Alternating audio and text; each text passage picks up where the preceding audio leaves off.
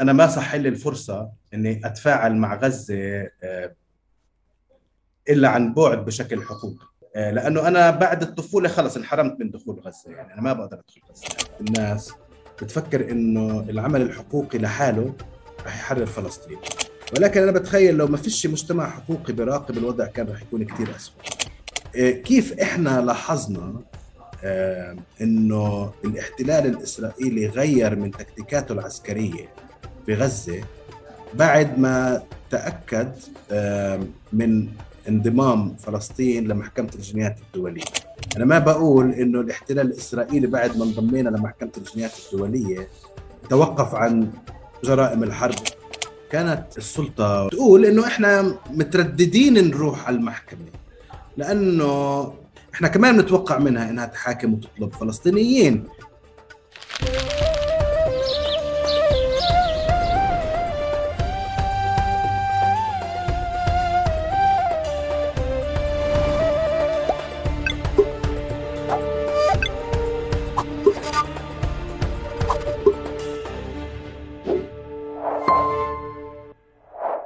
مرحبا واهلا وسهلا فيكم في حلقة جديدة من بودكاست تقارب. حلقتنا اليوم مع العزيز منير نسيبة. مرحبا يا منير.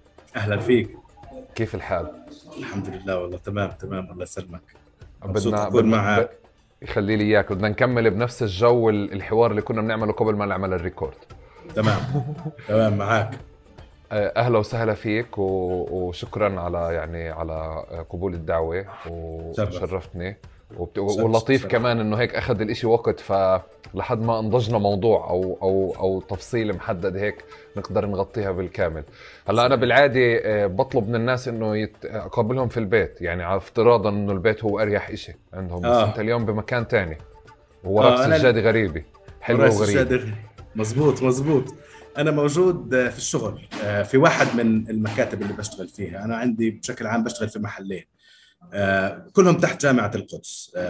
أنا أستاذ قانون دولي في جامعة القدس وكمان آه، بدير مركزين من مراكز الجامعة. واحد آه، اللي هلأ أنا موجود فيه في البلدة القديمة في القدس اسمه مركز العمل المجتمعي. هو مركز بقدم خدمات قانونية مجانية للجمهور الفلسطيني في القدس على مجموعة كبيرة من من المواضيع الشائكة.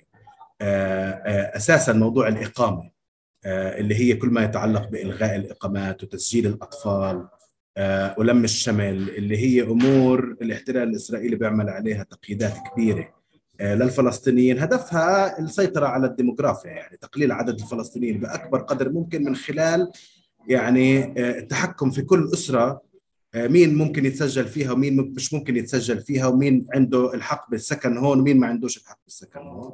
فهذا المحاميين تبعونا بيشتغلوا مع المجتمع الفلسطيني بيساعدوهم آه، في الدوائر الحكومية للاحتلال زي وزارة الداخلية والمحاكم والى آخره.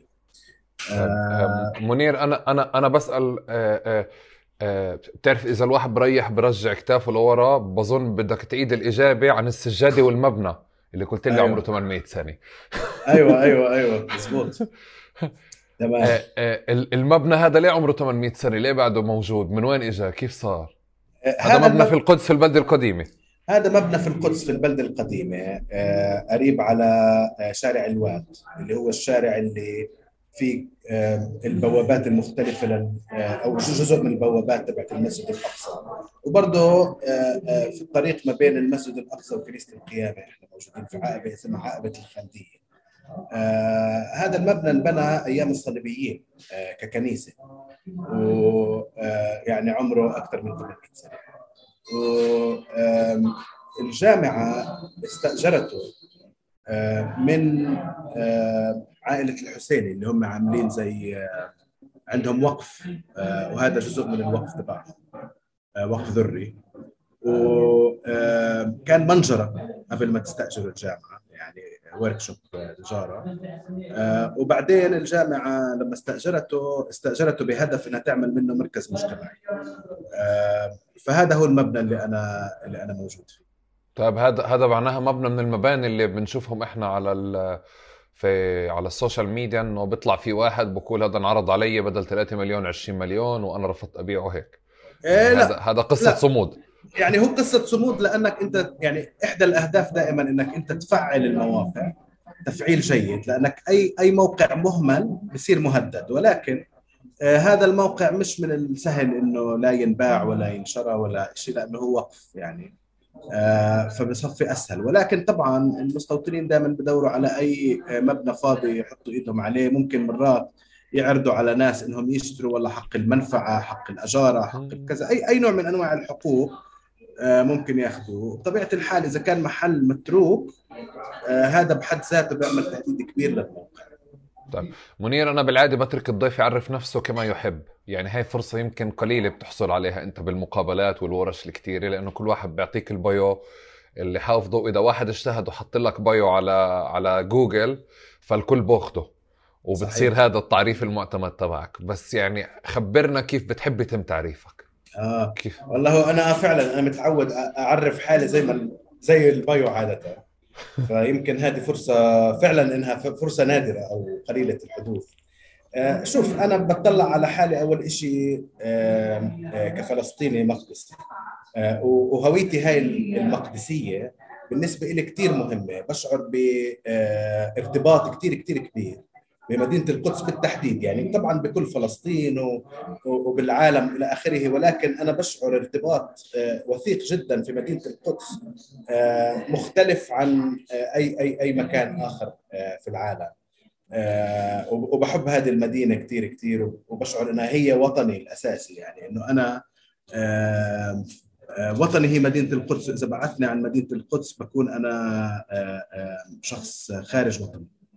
آه هذا هو آه الشعور. طبعا بحكيش إنه فلسطين مش وطني ولكن آه القدس بالنسبة لي لها, لها مكانة خاصة جدا جدا. آه وأنا آه آه يعني إنسان. وهذه شغلة يمكن ممكن تكون بتضحك شوي اللي بحكيها. بس هذا جزء كان من تفكير طويل في أيام هيك بسنوات أصغر من من هلأ يعني لما كنت 18 19 20 21 بفكر الواحد في هويته إيش أهم شيء في هويتي هل هو إني أنا عربي؟ هل هي إني أنا فلسطيني؟ هل هي إني أنا مسلم؟ هل هي إني أنا إلى آخره؟ آه وبهذاك الوقت آه آه لقيت فعلا إنه يمكن أهم عنصر هو الإنسانية لأنه ممكن فعلا الواحد يكون قريب من ناس لا يشتركون معه لا بال لا بالهوية القومية ولا بالهوية الدينية ولا بالهوية الوطنية ولا ولا غير ذلك يعني. ويحس حاله إنه قريب جدا منهم من ناحية التفكير والمعتقد بالحرية وبال وبالإخاء والمساواة بين البشر. فبحس هذا جزء مهم من هويتي وتعريفي لنفسي. طبعا هلا بطلت أحكي فيه كثير لأنه خلص زي ما الواحد كأنه عدى مرحلة التفكير في الهوية. آه ومع ذلك يعني آه لساته مهم لإلي يعني. آه هلا كمان يعني بقدر أعرف حالي يعني كإنسان حقوقي هلا بتعرف المهنة بتضلها جزء من من تعريف الذات يعني خصوصا إنه الواحد ببلش من مرحلة مبكرة يطلع على حاله من خلال مهنه فأنا فكرة الحقوق هي مش مجرد مهنة ولكن هي مهنة أنا يعني أعتقد بها يعني مؤمن فيها. فأنا محظوظ جدا على فكرة إني أنا بشتغل في في العالم الحقوقي هذا اللي اللي بيعطيني الفرصة آه إنه آه أدافع عن حقوق الإنسان. وأعكس المفاهيم اللي أنا فعلا بأمن فيها آه على شغلي بحياة يومية يعني. وطبعا بسبب طبيعة عملي هلأ أنا بشتغل على حقوق يعني الفلسطينيين تقريبا بشكل فقط الفلسطينيين ومع ذلك يعني أنا بهتم بحقوق الإنسان وين ما كان وبتعاطف مع الضحايا في أي مكان في العالم بغض النظر عن مين هم وشو هويتهم وليش هم ضحايا لانتهاكات حقوقية. وأنا زوج وأب كمان لثلاث أطفال هلا. الله يحميهم. خلي لك إياهم. الله يخلي لك أحبابك شو اسمائهم؟ الكبير اسمه ناهض بالضبط. على اسم خالي الله يرحمه. آه من غزة. أنا كمان نص غزاوي هذا مهم في هويتي على فكرة. أنا ولدت من غزة. آه والله. آه آه وهذا هذا عندي شيء كثير مهم. يعني أنا بشعر آه قد ما أنا بشعر إني مقدسي بشعر كمان آه بهويتي الغزية هذه اللي هي جاي من الوالده ومن مخولي آه اللي أنا بحبهم كثير يعني. وطبعا طفولتي كانت مهمه مين إخوالك؟ الريس. okay. okay. آه. فخالي الله يرحمه كان اسمه ناهض الريس وفي كمان خالي موجود هلا الله يعطيه الصحة اسمه ناهض الريس. آه وجدي كان اسمه منير الريس كان على أيام عبد الناصر آه رئيس بلدية غزة. آه ف آه يعني آه وطفولتي آه فيها كثير آه يعني غزة هي جزء كبير منها. طبعا يعني أنا ما صح لي الفرصة إني أتفاعل مع غزة إلا عن بعد بشكل حقوقي. يعني أنا بطلع على غزة صارت حرب بنقول أوكي في شهداء في جرحى في إلى آخره في إغلاق في عقوبة جماعية. ولكن إذا أنا بتسألني إيش غزة بالنسبة إلي لأنه أنا بعد الطفولة خلص انحرمت من دخول غزة. يعني أنا ما بقدر أدخل غزة هلأ. تمام؟ فبالنسبة لي غزة هي ديزني لاند. آه آه؟ كنت أروح في آه خالي الله يطول عمره وخالتي كمان اللي ساكنة هناك وأولادهم وبناتهم هناك فنروح من الصبح نلعب آه للمساء ونستمتع في في الوقت. نروح نزور البيارة مثلا ونشوف المزروعات ونركب كاره نروح على البحر. فبالنسبة لي غزة هي محل جميل فيه ذكريات كثير كثير حلوة من الطفولة. آه طبعا أنا عارف إنه غزة في الواقع هي محل منكوب آه بشكل كبير آه ولكن أنا بقول لك أنا علاقتي الشخصية معها زي علاقة أهل غزة معها يعني هو ب... ب... لما بده يحكي عنها بيحكيش عنها مكان منكوب بيحكي عن ذكرياته وتفاصيله الصغيرة فيها. بالضبط صح. بالضبط. آه فا آه فابني الكبير كنا بنحكي ابني الكبير اسمه ناهض على اسم خالي الله يرحمه. آه ابني بعدين عندي توم. آه توم أولاد. واحد اسمه زكي على اسم والدي الله يرحمه. آه والثاني اسمه آه زياد على اسم حماي الله يطول بعمره. آه أوكي. أنت فعليا يعني ب... ب... رح تطول أمد العيلة. آه آه الجهتين بالضبط بالضبط. يخلي لك إياهم يا رب و... ويربوا في عزك. آه آه سؤال منير كيف حدا مثلك بحبش يتم تعريفه؟ وما إنه كمان ما أخذش الفرصة إنه يعرف حاله. كيف بكره يتم تعريفه؟ أساعدك أكثر آه. أعطيك فرصة تفكر بينك وبين حالك. اذا إذا حدا مثلك بيطلع على panels بتعرف هيك بتكون قاعد على ال panel فبيطلع أحمد البقاوي ونرحب بكذا وكذا منير نسيبه هو كذا وكذا وكذا وكذا. فأنت بتصير تطلع هيك إنه شوي في آه. تعريفات مجموعة التعريفات اللي انفرضت عليك واللي أنت صعب صعب تغيرها يمكن. ما مرقتش في موقف من هذا النوع. أو ما بتذكر إني مرقت في موقف من هذا النوع. فمش قادر يخطر في بالي تعريف حدا عرفه عني وانزعجت. عادة وصف. الناس يعني تسأل آه يعني كيف بتحب تتعرف؟ فأنا عادة بعطيهم البيوغرافي اللي اللي حكيت عنها في البداية تبعت العمل. إنه أستاذ وبعرفش إيش وكذا وكذا.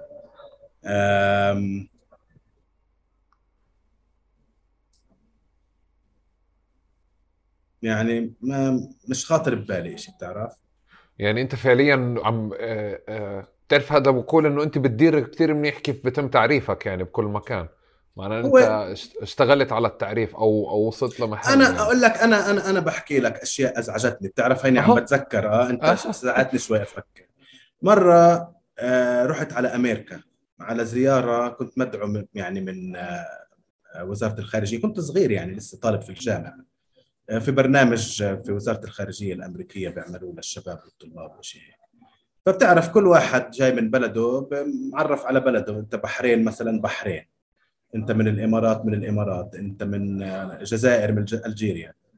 أنا كاتبيني West Bank يعني فإنه يعني إيش ال West Bank أنا يعني بدكم تحطوني على وين وين؟ أنا Palestine أنا اسمي Palestine يعني من Palestine مش مجرد West Bank هذه التجزئة اللي عملتوا لي إياها بشكل قسري مثلا أزعجتني.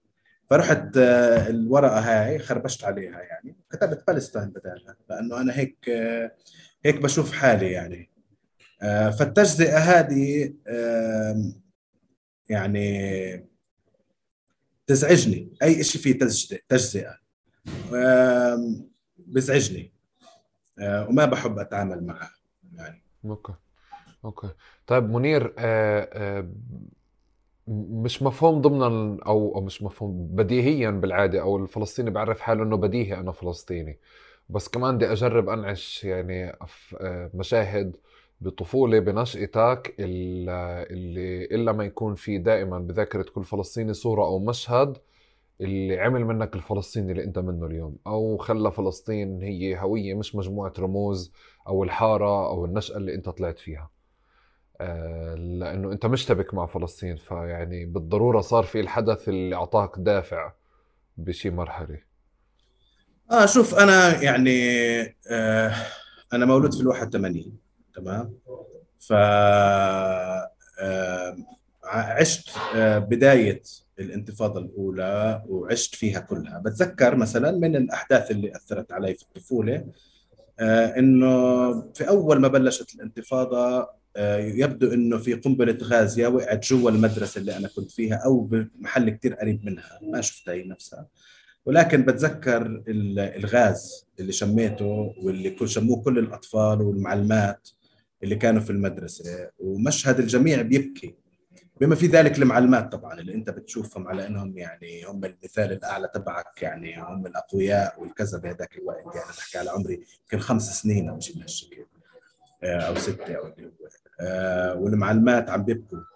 آه، فهذا كان آه، يعني حدث اللي نبهني إنه إحنا آه في شيء هون. طبعا بعديها بلش الواحد يعني يسأل شو القصة شو الحكاية شو هي يعني ليش في غاز ليش في ناس زعلانة ليش في جيش كثير ليش في أسلحة ليش في بلش الواحد يفهم طبعا آه إنه إحنا في انتفاضة وإنه إحنا بدنا آه نتحرر بعد الانتفاضة.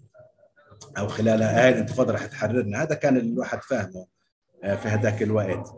آه إنه خلص هينا هلأ إحنا في مرحلة اللي إن شاء الله بعديها يعني مستحيل يضل الوضع زي ما كان مستحيل يضل الاحتلال بعدها بهاي الانتفاضة. آه فهذه كانت آه يعني وطبعا كل تجربة الانتفاضة بتعرف إحنا إحنا صغار آه مثلا عشان كانوا أهلنا يعني يخافوا علينا. يقولوا لنا مثلا آه، آه، ما تركض بالشارع ممنوع تركض بالشارع لأنه الجندي إذا شافك تركض بفكرك تهرب منه فإلا لا يضربك. آه، فبالتالي أنا يعني وأنا طفل بعرف إنه أنا لما أكون بالشارع لازم أتصرف بطريقة معينة. فكنت أشوف آه، برضه آه، أولاد صفي مثلا آه، أنا ما صارتش معي هاي الواقعة يعني بس أولاد صفي يكون مثلا في دفتر التلوين هذا في الشنطه فانه مثلا يجي الجيش يطوله يشوف يلاقي عليه علم فلسطين فيضربه شايف كيف؟ يعني هذه الحوادث والوقائع بتذكرها وشفت قديش كان في قمع لهذه الهوية تبعتنا حتى يعني حتى بمستوى دفتر التلوين اللي عليه اللي عليه العلم وعليه. لأنه أنت عارف آه، يعني آه، لما كانت المعلمة تعطيك دفتر التلوين تقول لك خذ أنت ارسم اللي بدك إياه. يعني كثير من الأولاد كانوا يرسموا مظاهرة يرسموا عجل محروق وجيش واولاد ها آه. يعني هذا كانت رسمه رسمة آه، شائعة بين الأطفال في هذاك الوقت. آه لأنه هذا اللي مسيطر على تفكيرنا كان. وطبعا كنا نعيد من المدرسة كثير يعني المدرسة تسكر. آه تقريبا قد ما تفتح. آه آه، إضرابات كثير ومنع تجول مرات. وفي القدس ما كانش يصير منع تجول كان بس إضرابات. لقيت طبعا منير أنت صف أول يمكن بلشت الانتفاضة؟ آه آه. صف أول ثاني ثالث رابع يعني هيك. آه آه. فأنت لما يعني طلعت على الش... على على الشارع بشكل منتظم يعني هيك صارت ال... صارت, صارت الانتفاضة. آه بالضبط. لما بلشت أوعى على الدنيا كانت الانتفاضة الأولى عمليا. آه. أوكي. آه ف... فكانت آه يعني آه فكنا كثير أيام ما نروحش على المدرسة. آه نقعد في الدار كثير آه آه في القدس كان يصير اضرابات. في غزة آه كنا مرات نروح يصير منع تجول. طبعا مكيف إحنا. لأنه نكون مثلا مخططين نقعد ثلاث أيام نصفي قاعدين أسبوع. يعني إجازة بتعرف ديزني لاند اكسترا يعني كمان أسبوع عارف كيف؟ بسبب منع التجول. طفل يعني هيك بفكر. والإضراب في غزة كان بيختلف عن الإضراب في القدس، الإضراب في القدس كان محلات تسكر والمدارس تسكر، الإضراب في غزة ممنوع سيارة تمشي. آه، كان أص يعني آه، السيارات ممنوع تمشي في الإضراب. ممكن تطلع على إجريك على الشارع بس ممنوع تسوق سيارتك. هذا طبعا إضراب الفلسطيني يعني المفروض فلسطينيا كان.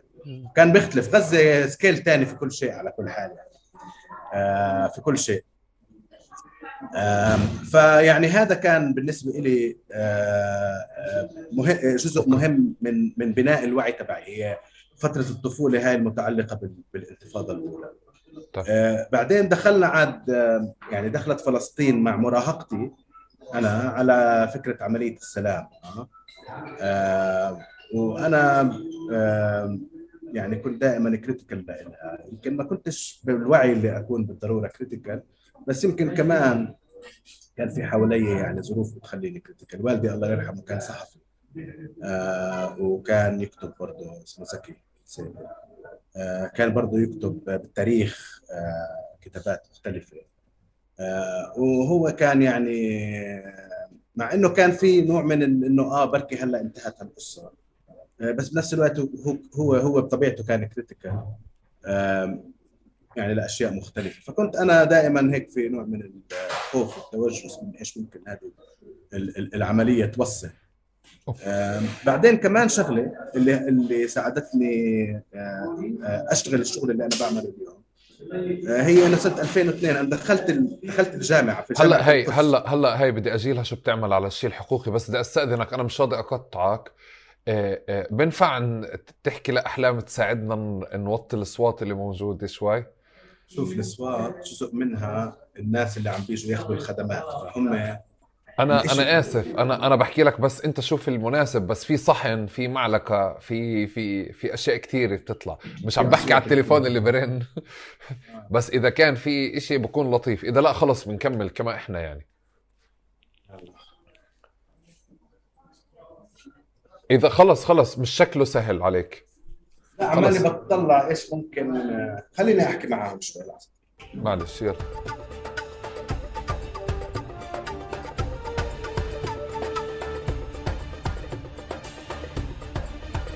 شكرا لك في مركز استقبال جمهور عارف الناس بتدخل.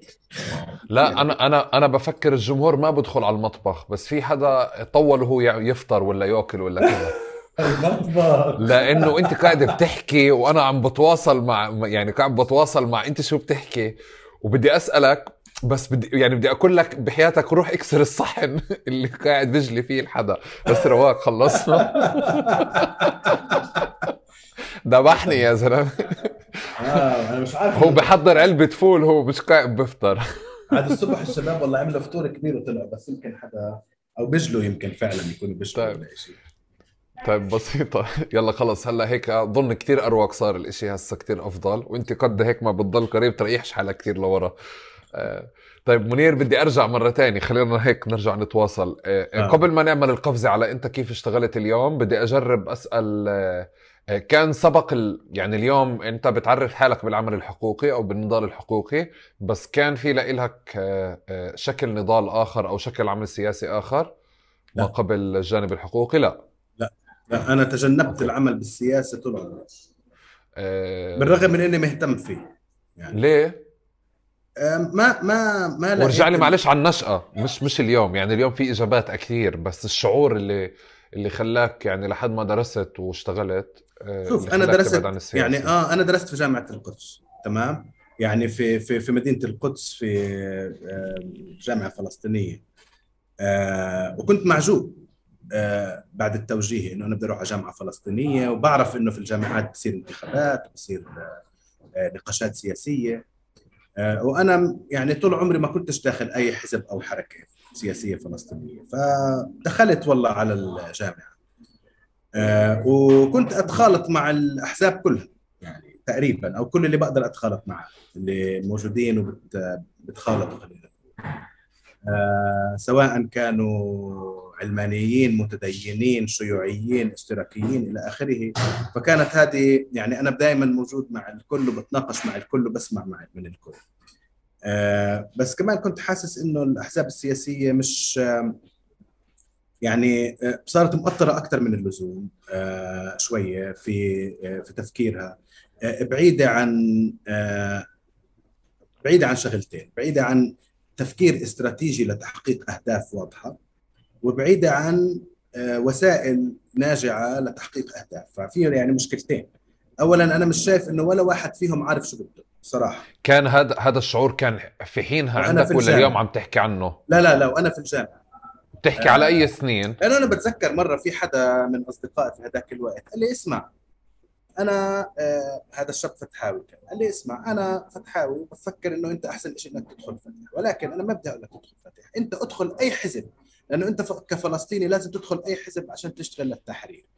هيك بالضبط. هو يعني شيء بحترمه إنه هو يعني حتى مع إنه بنتمي لشيء معين بس بقول لي روح على أي شيء ثاني بس الشيء اللي أنا فعلا كنت ملاحظه وأنا طالب هو إنه الأحزاب ما في عندها هدف استراتيجي واضح. يعني مش عمالها بتقول لي إيش بدها. يعني مثلا تيجي أنت بتقعد مع فتح مثلا بقول لك تمام إحنا بنناضل وكذا بس إحنا هلأ مثلا استراتيجيا ماخذين المفاوضات. المفاوضات طيب مع هذا الوضع اللي ما فيش فيه آه، تكافؤ بيننا وبين الخصم اللي بنتفاوض معاه آه، إيش نقدر نسوي؟ ما كنتش ألاقي أجوبة يعني مريحة كثير آه، نروح مثلا لاحزاب ثانية يقول لك والله إحنا بدنا نقاوم نقاوم لحد ما نتحرر آه، طب كيف بدنا نقاوم لحد ما نتحرر؟ برضه ما ألاقيش جواب أفهم أفهم إنه فعلا هذا الجواب مقنع إنه إحنا حنوصل لمحل. فهذا الإشي خلاني آه، إني أنا أشوف إنه أنا ما بدي آه، يكون مساهمتي من خلال الأحزاب والحركات. يعني طبعا أنا بحترمهم كلهم وبحترم العمل اللي بيقوموا فيه والنضال اللي قدموه في الماضي تاريخهم آه، آه، والنضال اللي بيقدموه اليوم والنضال اللي راح يقدموه بكرة. فهذا الإشي أنا بحترمه. آه، ومع ذلك أنا ما بشوف حالي جزء من هاي الحركات بالضرورة. ممكن إني أتفق مع حدا بمفهوم معين يعني مع حزب أو حركة معينة بمفهوم معين ومع حزب ثاني في مفهوم ثاني فلقيت البراغماتية شوية بهذا الموضوع في موضوع الأحزاب. أفضل من آه، الانتماء الكامل لحزب معين. وكمان أنا بلاقي تفكيري حر وبحب يضل حر. يعني ما بحبش إنه آه، آه، إنه إنه يكون في عندي منظومة معينة كاملة أخذها من حدا معين وألتزم فيها. هذا الإشي ما ما بريحني شخصيا يعني. بحس إنه بفضل إني عشان هيك كمان مبسوط إني أكاديمي. يعني ما حدش بفرض علي لا فكرة ولا ولا أي شيء بفكر فيه اليوم بفكر فيه. بكرة غيرت رأيي بغير رأيي عادي. عارف كيف؟ آه وهيك أنا بحس إنه بناسبني بناسبني جدا إني أقدر آه أفكر وأغير تفكيري بكل حرية بدون ما أكون آه محاسب من قبل آه محاسب من قبل حركة أو حزب أو شيء من هذا الشكل. آسف. أوكي. لا لا تمام. أحد بياخذوا الخدمات. عم بحرك كرسي. إيه، إيه، شوي انت قاعد طلع بلباقه ودبلوماسية عالية. بتحكي لي إنه بيأخذ خدمات هذا مش بيأخذ خدمات هذا بيقدم خدمات. هذا بكسر خدمات على الصوت اللي بيعمله هذا مش تحريك كرسي هذا تكسير كرسي. واضح إنه بيجي الصوت آه، عالي عندك بس آه. طيب آه، آه، بدي بدي أقفز أنا قفزه شوي سريعة معك من حكى لي صالح على على على شيء بيتعلق بعيادة حقوق الإنسان في جامعة أبو ديس تجربة كانت. مهمة واللي بظن بدي أجرب أشبكها مع أنت شو بتحكي بمعنى إنه انت شفت الميدان ميدان الفعل أو ميدان الميدان اللي انت بتحب تنشط فيه والفعل وتكون فاعل فيه هو الميدان الحقوقي وكان في تجربة منظمة يعني بحب نسمع عنها اللي هي بتتعلق بإعادة حقوق الإنسان. بنفع نمرق عليها بس آه هيك طبعا. برؤوس أقلام لو سمحت. طبعا طبعا. يعني شوف آه الأساس من هاي التجربة كان إنه أنا بسنة 2002 آه قبل ما يعني وأنا لسه طالب في الجامعة وقت الانتفاضة الثانية اللي هي كانت فترة صعبة. برضه اتطوعت أجت أجت أشهر الجامعة مسكرة بسبب الإغلاقات والاجتياحات اللي صارت على القرى والمدن الفلسطينية جنين ونابلس ورام الله وبيت لحم والى آخره. فخلال هاي الفترة أنا تطوعت في عدة محلات منها مركز العمل المجتمعي اللي أنا موجود فيه هلأ ومنها محلات أخرى زي منظمة العفو الدولية في هذاك الوقت وعدالة وجمعية القانون. ووثقنا انتهاكات حقوقية مختلفة.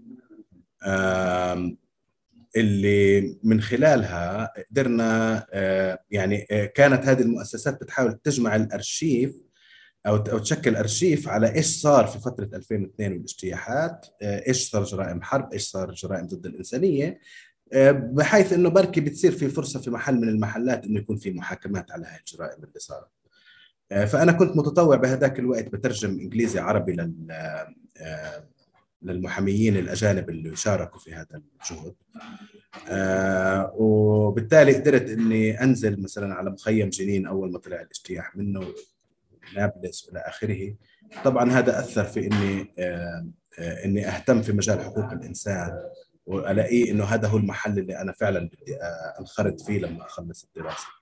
بعد هيك رحت سويت ماجستير في أمريكا في جامعة اسمها American University في واشنطن DC ورجعت بس خلال هذيك الدراسة شفت إنه في أمريكا في عندهم مساقات تدرس في الجامعة اللي من خلالها الطالب بيقدر إنه يعمل عمل مفيد فعلا للجمهور أو لمستفيدين معينين ومقابل هذا العمل اللي هو بيسويه بالجامعة تحت إشراف مشرفين من الجامعة إنه مقابل هذا العمل هو بيحصل على كريدت يعني ساعات معتمدة مع علامات وكل هذا فلما روحت على البلد بعد ما خلصت الماجستير رجعت على كلية الحقوق وأنا حاطط في بالي تجربة التطوع تبعي وأنا في في يعني أيام الجامعة لما كانت آه واقترحت على الجامعة آه وفهمت بعدين إنه في شيء اسمه عيادة قانونية تمام؟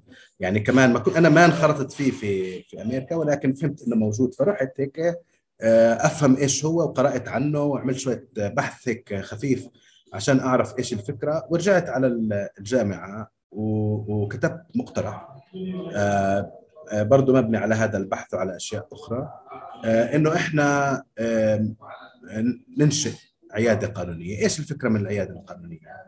الفكرة منها إنه إحنا بنعمل خدمات مجانية. للجمهور أو بنعمل توثيق بتحت إشراف مشرفين ومقابل هذا العمل اللي بيقوم فيه الطالب وهو على مقاعد الدراسة يعني بدل ما يقوم بعمل فقط نظري بس يدرس كتب هو الطالب أو الطالبة بيعملوا عمل شيء عملي يعني إما بيقدم خدمة للجمهور بعد ما يتم تدريبه فبالتالي بصير عارف عنده يعني بيمتلك بعض مهارات مثلا المحاماه وبيستخدمها عمليا تحت الإشراف. فهذا بجهزه شوي للمستقبل الحقيقي والفعلي بعد الانتهاء من الدراسة أو إنه مثلا بيوثق انتهاكات حقوق إنسان في منطقة معينة ومن خلال هذا التوثيق إحنا بنفيد المجتمع الحقوقي ونقدر إنه نعمل أرشيف من الانتهاكات اللي ممكن نستخدمها في استخدامات حقوقية مختلفة.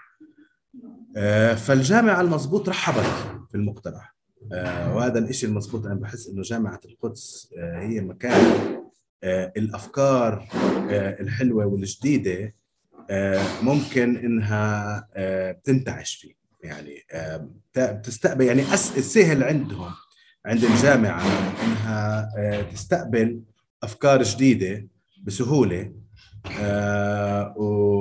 وتطورها وتصير شيء حقيقي وفعلي وموجود فيها. فهذا فعلا كانت تجربتي أنا الشخصية يعني في الجامعة. فانشأنا هاي العيادة القانونية. و ويعني كنت محظوظ إنه كان زميلي صالح حجازي يعني اشتغل معنا فترة جيدة من الزمان. وساهم فعلا في يعني في في, في يعني السنوات الأولى من من العياده فساهم في تأسيسها وتثبيتها وتنظيمها بشكل كثير جميل. ودخل كمان عقلية هيك حلوة ومتفتحة على على عملنا. ويعني آثار عمله لساتها موجودة معنا لليوم. حبيبنا صالح يسعد مساك يا أخ صالح. الله يمسيه بالخير. يخلينا إياك. طيب بدي بدي أجرب أنا أكمل بس بدي أسأل هيك صوت آه، اللي اللي قبل التسجيل كنا بنحكي فيه.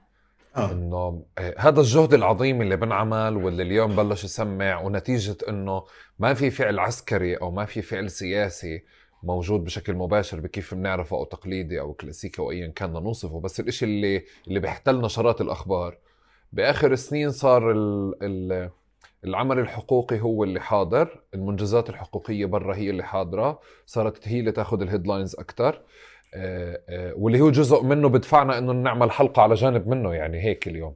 بس بدي أسأل مع هذا كله ومع الجهود اللي أنت عم تحكي عنها لساته في حاجز بين الناس وال آه، والحقوقيين والمؤسسات الحقوقية؟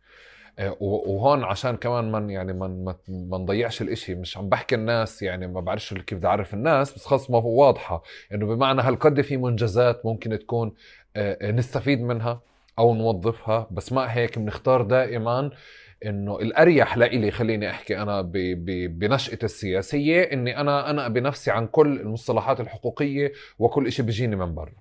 فهذا الإشي من من خلال تجربتك آه، درست في جامعة فلسطينية ودرست برا آه، آه، تطوعت برا وساهمت في في في خلق مساحات تطوع في فلسطين.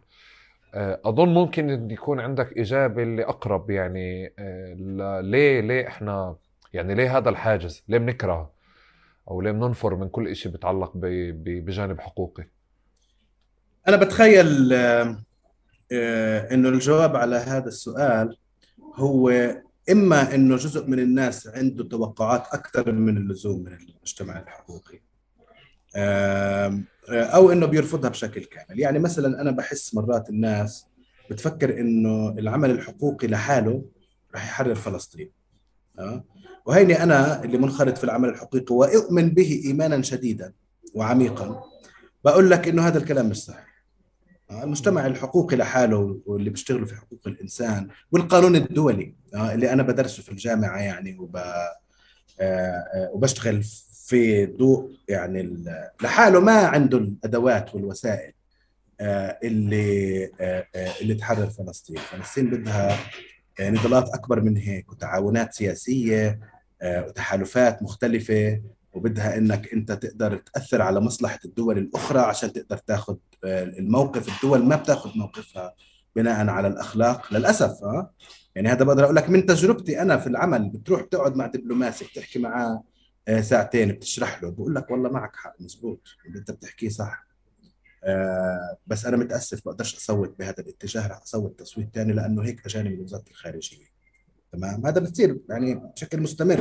تروح على جنيف أنت بتقعد تكون في تصويت على شيء آه، قرار لازم يطلع. هو الدبلوماسي مع إنه مقتنع قناعة كاملة بوجهة نظرك وعارف وانت أعطيته إثباتات كافية على إنه في هنا انتهاك صار أو اللي هو. بس بقول لك إحنا دولتنا بت يعني آه، هيك القرارات. وطبعا القرار بيجي من وزارة الخارجية مش من الدبلوماسي اللي بيمثل الدولة تبعته. آه، بالتالي إحنا عم نحكي بسياق فلسطيني هلا منير صح؟ عم تحكي وزير خارج يعني وزارة الخارجية الفلسطينيه لا بحكي على لا أنا بحكي على دبلوماسيين لدول أجنبية موجودين في الدول اللي موجودة في محلات okay تمام. فبتقصد هذا اثره أثره علينا. Okay. فهو أنت لما تيجي تقول له مثلا من أنا عارف ممثل دولة أوروبية مثلا فبقول لك والله العاصمة هي اللي بتقول لي كيف أصوت. أنا ما بقدر أصوت بناء على قناعاتي الشخصية. آه هذا شيء طبعا آه محبط. آه، آه، لما تشتغل في العمل الحقوقي يعني. ولكن آه، اللي بدي اقوله هون هو إنه العمل الحقوقي لحاله ما في عنده الوسائل والقدرة إنه يحقق كل الأهداف اللي هو بيهدف لها وخصوصا إذا كان الأهداف أبعد من العمل الحقوقي نفسه وهي أهداف سياسية. كيف بدنا نحقق تقرير المصير؟ كيف بدنا نحقق العودة؟ وكل هذه الأشياء بشكل فعلي هذه بدها نضالات أخرى. ولكن أنا بدي أقول لك برضو إشي شوي بعكس اللي تفضلت فيه. مع أنه في نوع من التحفظات ممكن على الحقوقيين إلا إنه الشعب الفلسطيني يمكن أكثر شعب في العالم بيحكي في الحقوق. بشكل طبيعي. يعني تعال تعال اسأل أي إنسان قل له إيش إيش قضيتك أنت؟ أي فلسطيني إيش أنت قضيتك؟ بقول لك والله حق العودة تقرير المصير. مزبوط هذه أصلا من يعني آه، من آه، على طول ببلش يحكي بحقوق يعني. آه حق العودة تقرير مصير. آه والله صدروا لنا أراضينا بدنا حق حقنا في في أراضينا اللي تصادرت والله أنا عندي آه مشكلتي مثلا ممكن تكون أصغر طبعا من العودة وتقرير المصير اللي هم يعني قضايا قضيتين استراتيجيات. يعني ممكن تكون والله إنه مش قادر يسكن في داره مش قادر يسكن في مدينته إنه بده آه إلى آخره تمام؟ بس هي المسائل الحقوقية آه هي أساس القضية الفلسطينية على فكرة. أساس يعني إذا أنت ما هي هي هذا منير أنا آسف عم بقطعك بس هذا اللي بدفعني أصلا إني أركز على السؤال و وأسترس عليه يعني آه. مره ثانية آه. إنه إنه شوي أنت بتحكي الشعب الفلسطيني عم بيحكي حقوق آه، بس مع هيك في حاجز. ويمكن وأنت عم تحكي بدي أرجع أصيغ الإشي. شو ال...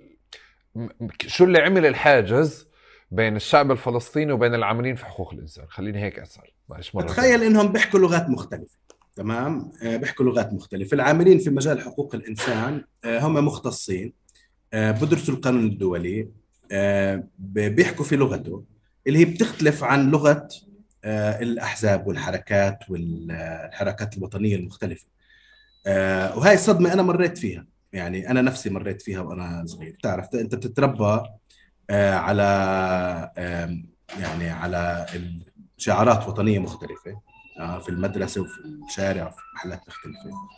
بعدين لما لما جيت مثلا أوثق مع منظمة العفو الدولية ومع المنظمات الأخرى اللي طوعت معها سنة 2002 وأنا لسه طالب في الجامعة. آه، وكنت أقعد في الليل أتحدث في اللي شفناه. صرت أعرف إنه مثلا في اللغة الحقوقية في عندك شيء اسمه هدف مشروع وفي هدف غير مشروع. يعني ممكن يكون في شهيد استشهد وقتله كان مش مخالف للقانون الدولي لأنه هو كان عسكري وحامل سلاح وبالتالي هو هدف مشروع. وشهيد ثاني استشهد آه، كان مدني مثلا آه، فقتله مثلا غير مشروع آه، بهاي الحالة. بتشوف إنه الحقوقيين بيحكوا في لغة مرات بتكون معقدة فيها تفاصيل كتير جامدة اللي لسه ما وصلت للناس. وهم بيستسهلوا إنه يتناقشوا بينهم بين بعض بهاي المصطلحات والمفاهيم. بس يمكن مش دائما بننجح آه، كحقوقيين إنه نوصل هاي المفاهيم آه، لكل الناس بحيث إنه نقدر نكون فاهمين على بعض من ناحية يفهموا يعني إيش هي هاي المصطلحات والمفاهيم اللي نتناقش فيها. بس من ناحية ثانية يعرفوا إيش الفائدة المرجوة من استخدام كل هذا النظام. فبتخيل هذه يعني في مجموعة من العوامل منها التوقعات الزيادة. ومنها إنه أنت بتصفي آه، بتوجه خطابك آه، أصلا الخطاب باللغة الإنجليزية عاده بيكون الريسيرش البحث باللغة الإنجليزية آه، والكتابات أغلبها بتكون باللغة الإنجليزية لأنه أنت بتتخيل إنه أنا عمال بس تهدف من خلال هذا اللي عم بكتبه بستهدف الجمهور الدبلوماسيين اللي بدي أحاول اثر عليهم عشان هم يضغطوا على الاحتلال عشان الاحتلال يغير آه، من تصرفاته. وهي هذه نظرية التغيير عمليا اللي في عالم حقوق الإنسان. أنا بأثر على الدبلوماسي وعلى الدولة الدول المختلفة يعني أوروبا أمريكا أفريقيا آسيا إلى آخره. بأثر على هدول الناس.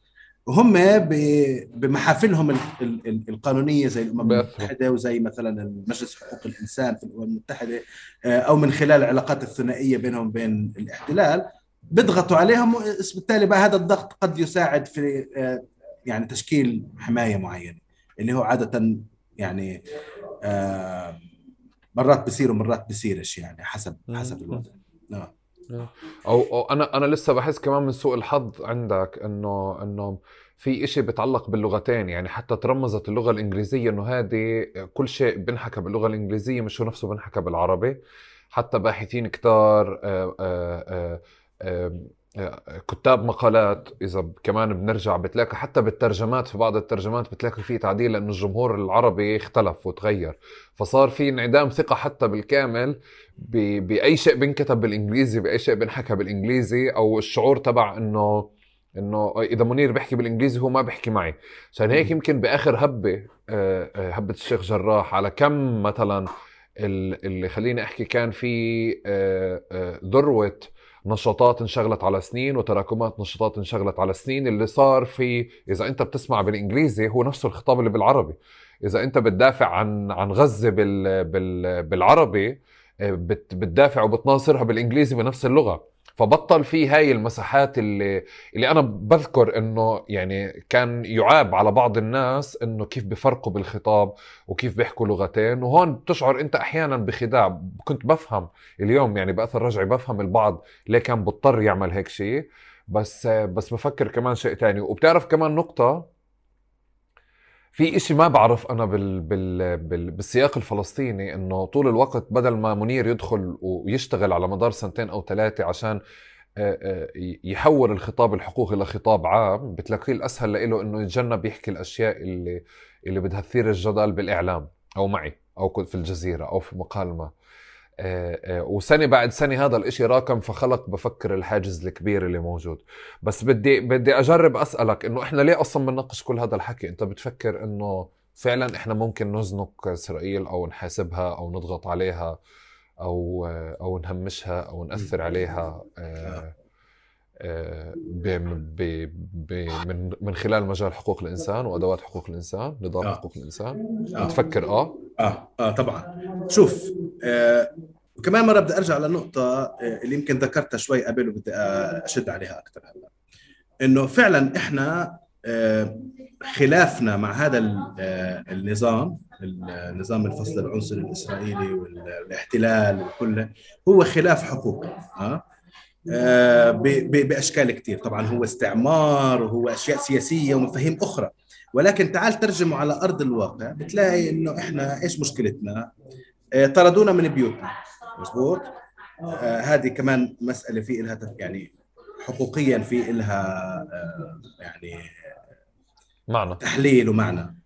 آه. هم أخذوا بيوتنا ومنعونا من إنه نرجع عليها. هم حرمونا من من من جنسيات حرمونا من إقامات حرمونا من حق السكن في أرضنا وفي بلدنا. حرمونا من العودة. هم بيميزوا ضدنا بشكل كبير. بأشكال مختلفة. هم جزأونا لمجموعات مختلفة قدس وضفه و48 وغزة وإلى آخره. وشتات طبعا يعني. آه وهم بيعتقلوا كثير من شبابنا بيعتقلوا كثير من صبايانا بيعذبوهم هذه يعني يعني إذا بتيجي بتطلع على كل شيء سياسي إحنا بنطلع عليه فهو كمان شيء أغلب الأشياء هي كمان حقوقية تمام؟ آه وبنقدر نفهمها بشكل حقوقي. عشان هيك تدخل الحقوقيين في آه هذا الموضوع آه هو تدخل كثير مهم. آه من ناحية إنه إحنا نقدر نوثق توثيق جيد نحلل تحليل جيد ونفهم. آه، وبالتالي في نهاية المطاف نقدر آه، إنه نساعد في الوصول لحلول معقولة ومنطقية وحقوقية وفيها كرامة وعزة لكل إنسان. تمام؟ هذا الحقوقيين بيقدروا إنهم إنهم بالتأكيد يساعدوا ولكن وطبعا بالإضافة لهيك آه، الحقوقيين موجودين في آه، كثير محلات. آه، بيروحوا بيعملوا نضال في من خلال التواصل مع يعني سياسيين ودبلوماسيين في محلات مختلفة في العالم. بتواصلوا كمان مع السياسيين الفلسطينيين ومع سياسيين دوليين في محاولة الضغط. وهذا بنشوف إنه له ثمار ودور المجتمع المدني سواء الحقوقي أو غير ذلك. يعني في عندك كمان منظمات مجتمع مدني أخرى آه، اللي عمالها بتساهم سواء اللي بيعملوا دبكة وبيمثلونا بهذا الشكل أو اللي بيعملوا فن رسم واللي بدك إياه. آه، كلهم بيمثلونا بشكل كبير آه، وبيقدروا إنهم يوصلوا رسائل مختلفة لمجموعات مختلفة من البشر اللي بالآخر بتعمل ضغط معين. أنا اللي بدي اقوله هو ما يلي. إنه صحيح إنه إحنا شايفين عدد كبير من الانتهاكات اللي مش عمالها بتوقف وشايفين حصانة وإفلات من العقاب كبير عند الاحتلال الإسرائيلي وأشخاصه ومؤسساته. ولكن أنا بتخيل لو ما فيش مجتمع حقوقي بيراقب الوضع كان رح يكون كثير اسوء هم عارفين إنه في مراقبة ومرات بغيروا تصرفاتهم بناء على هذا الأمر.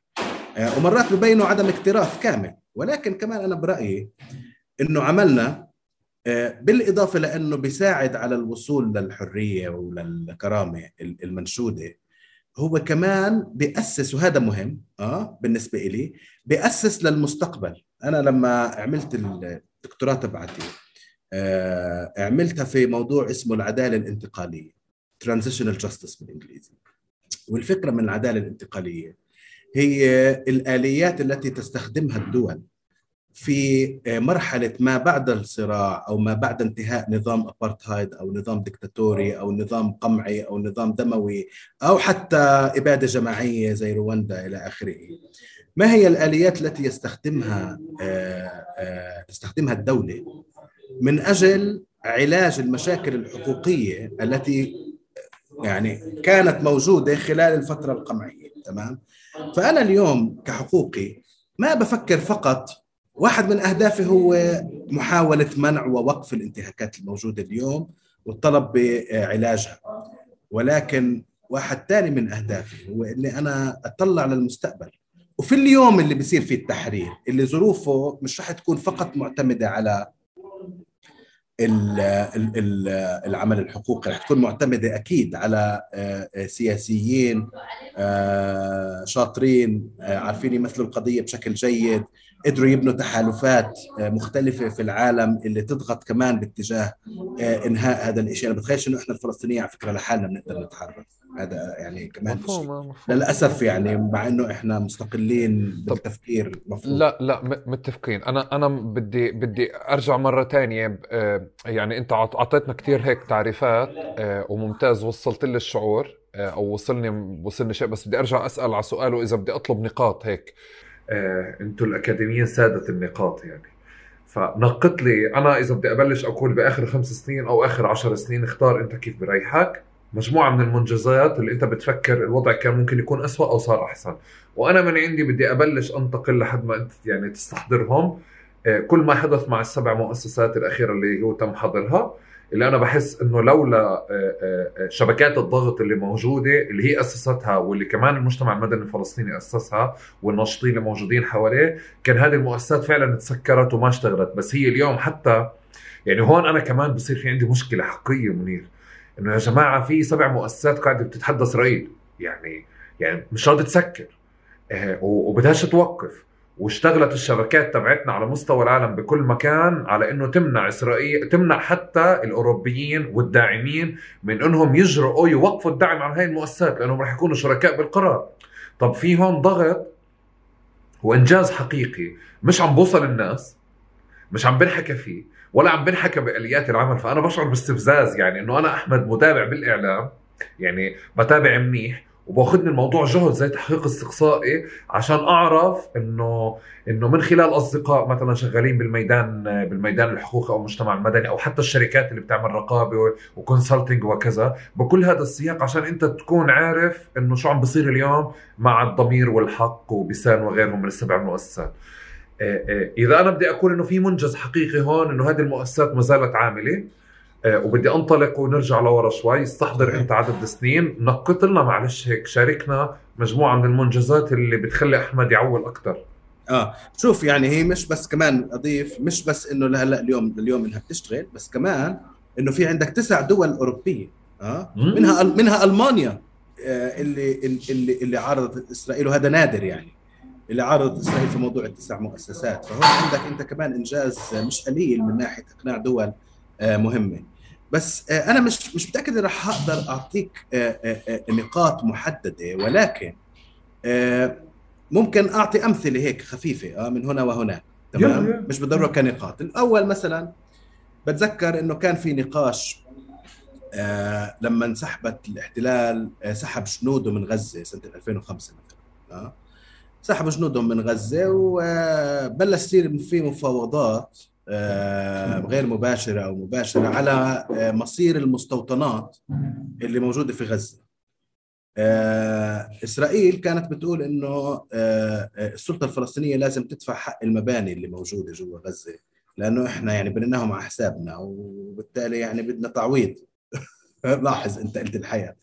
آه فهون مثلا كان القانون الدولي والناس اللي بيشتغلوا في القانون الدولي دور مهم.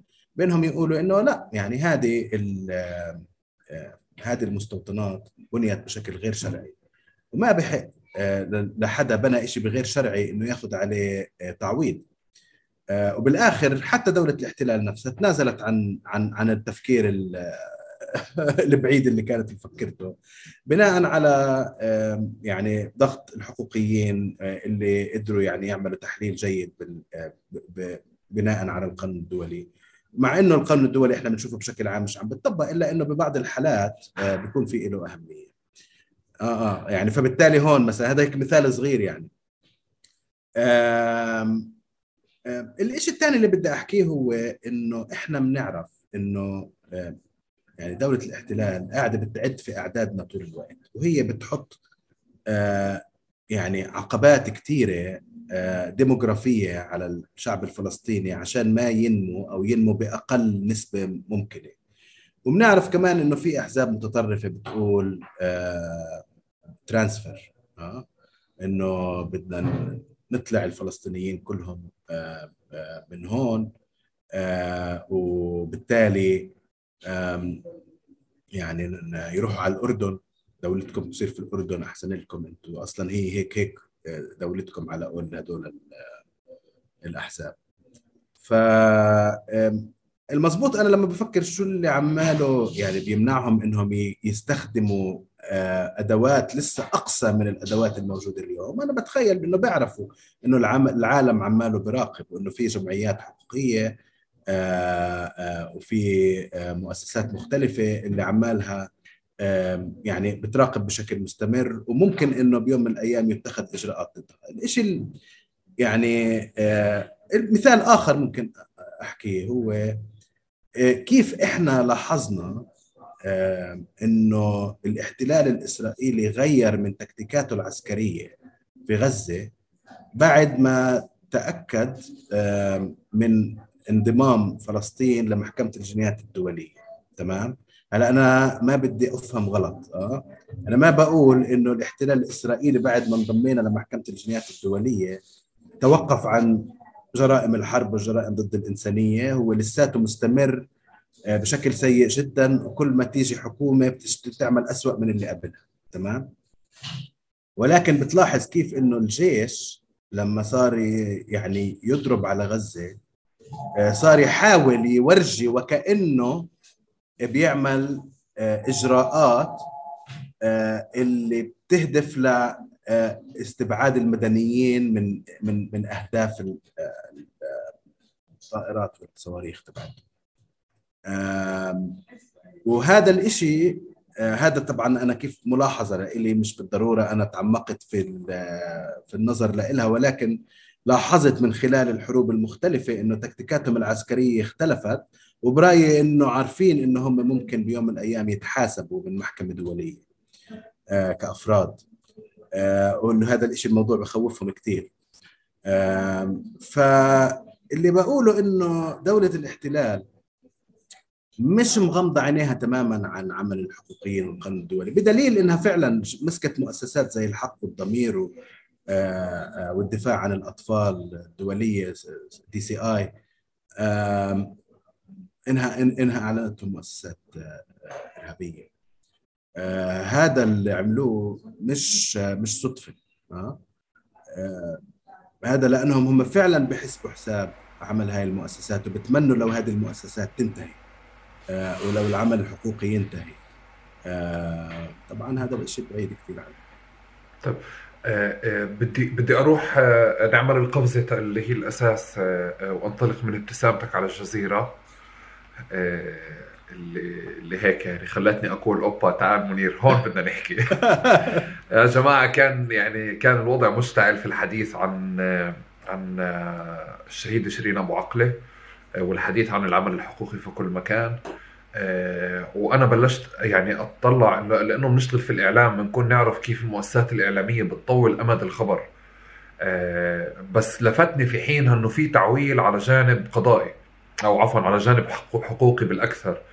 آه الآن في شغلة اللي اللي, اللي انذكرت كثير في سياقها في حينها الجنائيه الجنائيه الجنائيه فأنا يعني حتى صالح لما قابلته بقول له طب شوي يعني هلأ إحنا الموضوع إنه إحنا بالإعلام قاعدين بنطول بأمد القضية ولا في شيء حقيقي يعني ممكن نوصل له؟ فأنت صادفت إنه شفت المقابلة تبعتك واللي هو أنت لما سئلت طيب يعني أوكي وصلنا ورحنا على الجنائية وبعدين هلأ شو الوضع؟ في إطار زمني للموضوع فأنت تبسمت الابتسامة تبعت إنه يعني شيء زي مش مش حكينا لكم بدكم تطولوا بالكم علينا إنه الموضوع بده وقت آآ آآ يعني أنت ما حكيت هيك بس اللي قلته انت إنه الموضوع محتاج ضغط دول محتاج ضغط سياسي أكبر عشان يمشي العملية أكثر إنه الموضوع مش نزهة مجرد الوصول للجنائية. وهون أنا بالنسبة لي زي فقدت التواصل مع كل الحديث أو كل محاسبة إسرائيل بالقضية هاي من خلال الجنائية الدولية. وفهمت أكثر كمان بس من مجرد ابتسامتك يعني وقتها اللي هي الساخرة في حينها يعني.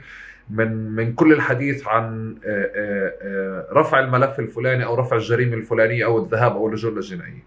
هاي جانب. الجانب الثاني بدك تاخذ بعين الاعتبار عم تحكي مع واحد محبط جدا من محابط من كل فكرة محا يعني محاسبة إسرائيل من وقت جولدستون يعني بمعنى أنا برأيي أنه ليس هنالك رغبة سياسية حقيقية عند القيادة الفلسطينية وقياده السلطة الفلسطينية لمحاسبة إسرائيل وما زالت حتى أصلا في قضية شيرين هي ورقة للضغط أو ورقة لنحصل على امتيازات أكثر أو على تفاصيل أكثر. فإجاني الشعور من وقتها وبتعرف بظن وقتها هيك قعدت اليوم أتذكر إنه شو أخذنا إحنا أصلا وقتها لما لما سحبنا ملف جولدستون أه فهلا أنا بدي أترك لك المجال أترك لك الميدان. يعني أه يعني أنت واحد محبط أمامك من كل فكرة محاسبة إسرائيل. تحايل عليك بالكثير من الأسئلة عشان عشان يلاقي عشان يأسس للجانب اللي بدك تحكي لنا إياه. بس أنا عن جد بدي أفهم قصة الجنائية الدولية كلها. ICC جنائية و... و... وعن جد تقول لي قديش أنا أعول عليها وأنا أعول عليها وين ما أعولش عليها. وفليحسب عليك أنك قلت ما الأشياء اللي أنت رح تقولها.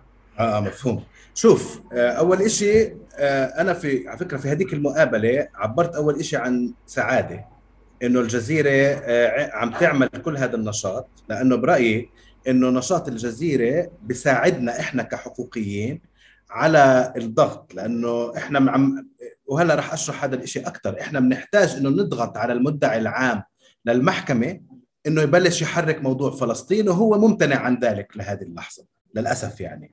فهذا الشيء المحبط عندنا آه وبالتالي برأيي إنه تدخل الجزيرة بكل قوتها الإعلامية آه وإنها عملت هذا السبمشن للمحكمة يعني قدموا أوراقهم للمحكمة. وإنهم آه آه وإنهم عملوا مؤتمر صحفي على هذا الموضوع ودخلوا مؤسسات حقوقية مختلفة من محلات مختلفة إنه هذا بحد ذاته آه إنجاز آه كثير كويس لأنه بيدعمني أنا كحقوقي موجود بفلسطين مهتم بموضوع المحكمة الجنائية الدولية وبستنى منها إنها تتحرك بدعم ال ال ال الهدف تبعي.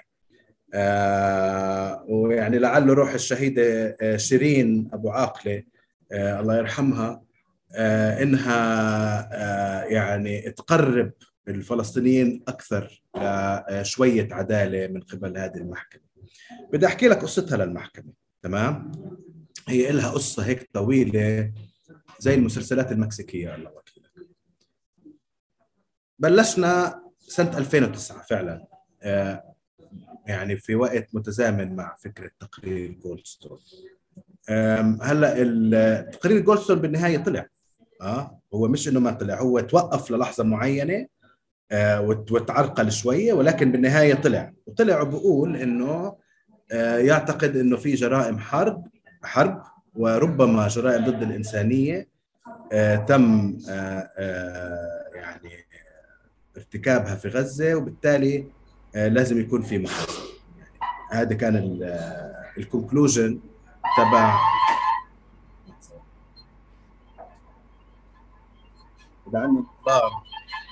المركز مرات بيجي لحاله عشان okay. تكمل معك بس. لا تمام. في مركز مجتمعي. بدنا هيك. لا بالعكس هي هي فواصل بالعادة بالبودكاست بكون في ميكسر. أيوه. بتدخل صوت بتدخل فاصل تمام؟ وهيك أنت بتاخذ بريك وبتشرب قهوة. أيوه. شايف آه، فصدر هذا التقرير. هلا بعد هذا التقرير كان وزير العدل الفلسطيني اسمه الدكتور علي خشان اللي هو على فكرة كان عميدنا عميد كلية الحقوق في جامعة القدس آه، في في أول فترة لها يعني. آه وفي هذاك الوقت هو كان وزير العدل وتوجه هو يعني بتكليف من السلطة آه على جنيف آه على عفوا على لاهاي آه وقدم أوراق آه بالنيابة عن فلسطين عن دولة فلسطين. آه اللي بيطلب فيها إنه المحكمة الجنائية الدولية آه يصير في إلها ولاية قضائية على أراضي دولة فلسطين وبأثر رجعي من سنة 2002 تمام؟ آه فهذا كان سنة 2009 الكلام. و آه وطبعا هذا صار بموجب آه ميثاق روما اللي هو المنشئ للمحكمة الجنائية الدولية اللي بحسبه آه بيسمح للدول حتى لو ما كانتش أطراف في ميثاق روما يعني مش أعضاء في المحكمة الجنائية الدولية إنها تعطي ولاية قضائية للمحكمة على أراضي الدولة. تمام؟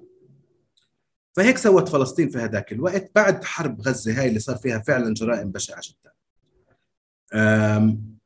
والله كان وقتها المدعي العام للمحكمة اللي بسموه ب... ب... لما بيشرحوا بيحاولوا يشرحوا وظيفته بسموه بواب المحكمة the gatekeeper آه؟ يعني هو اللي بحافظ هو اللي زي ما تقول اللي بس بدخل وبطلع يعني عنده سلطات كثير كثير كبيرة.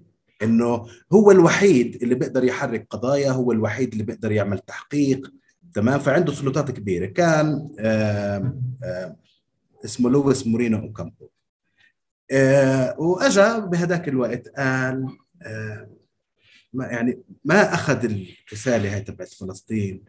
يعني آه وقال أوكي تمام بتحبوا إنه نعطيكم آه نعطي ولاية قضائية وتدخلوا في ولاية المحكمة ندخلكم آه سأل سؤال هو قرر إنه يعني يفتح سؤال. قال فسأل أنتم يعني دولة بالاساس عشان تنضموا للمحكمة لأنه هذه المحكمة ما بنضم لها إلا الدول. آه فقال لهم إذا بتحبوا آه يعني بريف مي أعطوني معلومات قدموا لي وثائق. آه، إذا أنتم دولة ولا مش دولة. وفعلا قعدت المسألة بعديها يمكن أربع سنين. وهي مثلا فلسطين تعطي وثائق تورجي إنها دولة. دول مختلفة تتدخل برضه وجمعيات كمان تعطي submissions مختلفة وتقول إما إنه فلسطين دولة أو إنه فلسطين مش دولة. يعني صفة اللي بأيد واللي بيعارض كله عنده الحق آه، يكتب ويقدم للمدعي العام والمدعي العام يفكر في الموضوع. فقعد هذه ال process حوالي يعني بين ثلاث وأربع سنين. اللي المدعي العام توصله أوراق آه، وهو آه، مش حاكي ولا كلمة في الموضوع لسه يعني مسكر النقاش. المهم في النهاية بعد كل هذا آه، آه، بعد كل هذا النقاش في نيسان سنة 2012 آه، المدعي العام طلع بيان. قال فيه إنه أنا مش في المكان المناسب اللي أقرر إذا كانت فلسطين دولة أو لا.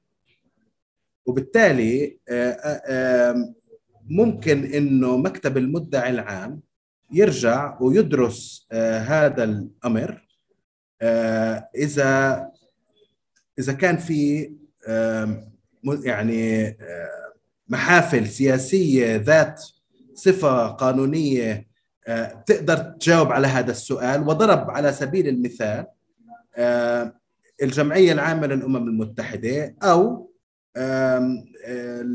المجلس تبع ال Assembly of States بسموهم اللي هم الدول الأعضاء في ميثاق روما. ففعلا هذا اللي صار توجهت فلسطين بنفس السنة يعني بعد عدة أشهر توجهت للأمم المتحدة. طبعا هي كانت بدها عضوية في الأمم المتحدة كدولة. وبسبب الفيتو الأمريكي يعني وممكن فيتو دول ثانية بس أكيد الفيتو الأمريكي ما قدروا إنهم ياخذوا عضوية كاملة في الأمم المتحدة. ولكن في شهر نوفمبر تشرين الثاني 2012 حصلت فلسطين على صفة دولة غير عضو مراقب في الأمم المتحدة. تمام؟ بدي أكررها كمان مرة. دولة فبلشوا دولة.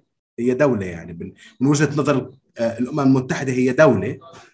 ما عندها عضوية في الأمم المتحدة فهي غير عضو فعندها صفة مراقب في الأمم المتحدة. يعني هي بتقعد ما بتصوت على القرارات ولكنها إلها إلها كرسي تقعد فيه وبتناقش وبتسوي يعني عندها هذه الأدوار. فبالنسبة لفلسطين كان هذا الاعتراف من الأمم المتحدة إنها دولة كافي لأنها ترجع بمرحلة من المراحل. طبعا ما كانتش مباشرة تأخرت فلسطين شوية آه آه لأنها ترجع للأمم المتحدة وبتذكر المجتمع المدني فورا صار يقول يلا خلص هي هينا إحنا أخذنا يعني آه من الأمم المتحدة اعتراف إنه إحنا دولة. هاتوا نرجع للمدعي العام ونقول له هينا إحنا طلعنا دولة. وتفضلوا هلأ فعلوا ملفنا في في المحكمة. بس يعني شوي تأخرت فلسطين بهذاك الوقت لحديت ما صارت كمان حرب في غزة. شايف كيف؟ للأسف يعني كل التقدمات اللي عم بتصير في الملف بتصير على راس أهلنا في غزة لما بتصير حروب. صحيح 2014 حروب. فصارت حرب 2014 في غزة اللي كان أولها طبعا بدت في إعدام الشهيد محمد أبو خضير في القدس. طفل شهيد الفجر من قبل مستوطنين وبتعرف تصاعدت الأمور لحديت ما وصلت لحرب وعدوان كبير على غزة اللي برضه صار فيه جرائم كبيرة. فبعد هذه الحرب ومع ضغط كبير وإلى آخره قررت دولة فلسطين بهذه الحالة إنها بتعمل شغلتين. من ناحية إنها تنضم لميثاق روما والانضمام لميثاق روما بيعطيها بيعطي المحكمة ولاية قضائية بعد ثلاث ثلاث أشهر من تاريخ الانضمام. ومن ناحية ثانية إنها تحط وثيقة في المحكمة اللي هو برضه ميثاق روما بيسمح فيه ترجع الولاية القضائية للمحكمة الجنائية الدولية لتاريخ 13 6 2014 اللي هو تاريخ استشهاد محمد أبو خضير تمام؟ خلينا نقارن كمان مرة المرة الأولى سنة 2009 حطوا وثيقة قالت أنا برجعها لأقدم تاريخ ممكن المحكمة إنها تعمل يعني تستخدم الولاية القضائية فيه وهو ببلش من شهر 7 2002 تمام هذه الوثيقة الأولى اللي صارت 2009 هذه صارت إيش؟ صارت على الرف لأنه ما ما تمش تفعيلها زي ما تقول الوثيقة الثانية اللي تم تقديمها هون بتقول وهذه هلأ المعتمدة أه؟ بتطلب إنه يكون ولاية القضاء الولاية القضائية للمحكمة يبلش من تاريخ 13 6 2014 تمام؟ يعني هي التاريخ اللي بدت فيه الأحداث اللي أدت لحرب غزة بنهاية المطاف. آه وفعلا آه انضمام فلسطين للمحكمة آه تم. فهلأ فلسطين دولة عضو في ميثاق روما. زيها زي أي دولة ثانية زيها زي بريطانيا زيها زي آه الأردن زيها زي يعني أي أي دولة أخرى اللي هي دولة طرف في في المحكمة. وبناء على الوثيقة اللي قدموها في المحكمة صار بداية الولاية القضائية سنة 2014 هلأ بعد هيك فلسطين قدمت إحالة سموها. للمحكمة. قعدت فترة في يعني هدوء شوية بعدين قدمت إحالة للمحكمة. وفي الإحالة هذه الصراحة أنا بتخيل إنها وثيقة كويسة كثير كانت ممتازة. قال إحالة يعني إنه أنا بدي أطلب من ال... بدي أنا يعني أحيل ملف آه، آه، جرائم حرب وجرائم ضد الإنسانية بتصير في هذه المنطقة للمدعي العام للمحكمة عشان يحقق فيها. تمام؟ آه وهذه مهمة لأنه ممكن المدعي العام إنه لحاله يتطوع هو ويبلش إنه يشوف يقول آه في جرائم حرب في البقعة الفلانية اللي موجودة تحت سلطتي يعني تحت ولايتي ولاية المحكمة القضائية بالتالي أنا بقدر كمدعي عام إني أروح وأبلش أحقق فيها بدون إذن حدا. بس إذا ما عمل هيك وأجت دولة طرف قدمت إحالة آه، فمن خلال هاي الإحالة بصير هو مضطر إنه يبلش يتعامل ويدور ويعمل. وفعلا هذا اللي صار. بناء على هذه الإحالة بلشت آه، آه، المدعيه العامه هلا كان منتهي المدعي العام الأول للمحكمة اللي هو لويس مورينو كامبو وأجت بداله مدعيه عام اسمها فاتو بن سودا من أصل إفريقي إفريقية. آه، وهذا كان مهم لأنه محكمه الجنايات الدولية اتهمت في مرحلتها الأولى بأنها كانت تحاكم الأفارقة فقط. آه، هذا اتهام عالمي صار على المحكمة إنه تعالوا نطلع مين اللي عم بتحاكم في هذه المحكمة؟ كلهم أفارقة. طب وين من الدول آه، الأخرى اللي موجودين؟ فيش جرائم حرب بتصير إلا في إفريقيا؟ كان هذا يعني الادعاء الموجود من دول إفريقيا. فجابوا مدعية عامة آه، إفريقية اللي هي كمان بلشت تطلع على محلات تانية في العالم وعلى جرائم عملتها دول أخرى. بما في ذلك يعني ثلاث دول قوية منهم أمريكا وجرائمها في أفغانستان ومنهم بريطانيا وجرائمها في العراق ومنهم إسرائيل وجرائمها في فلسطين. تمام؟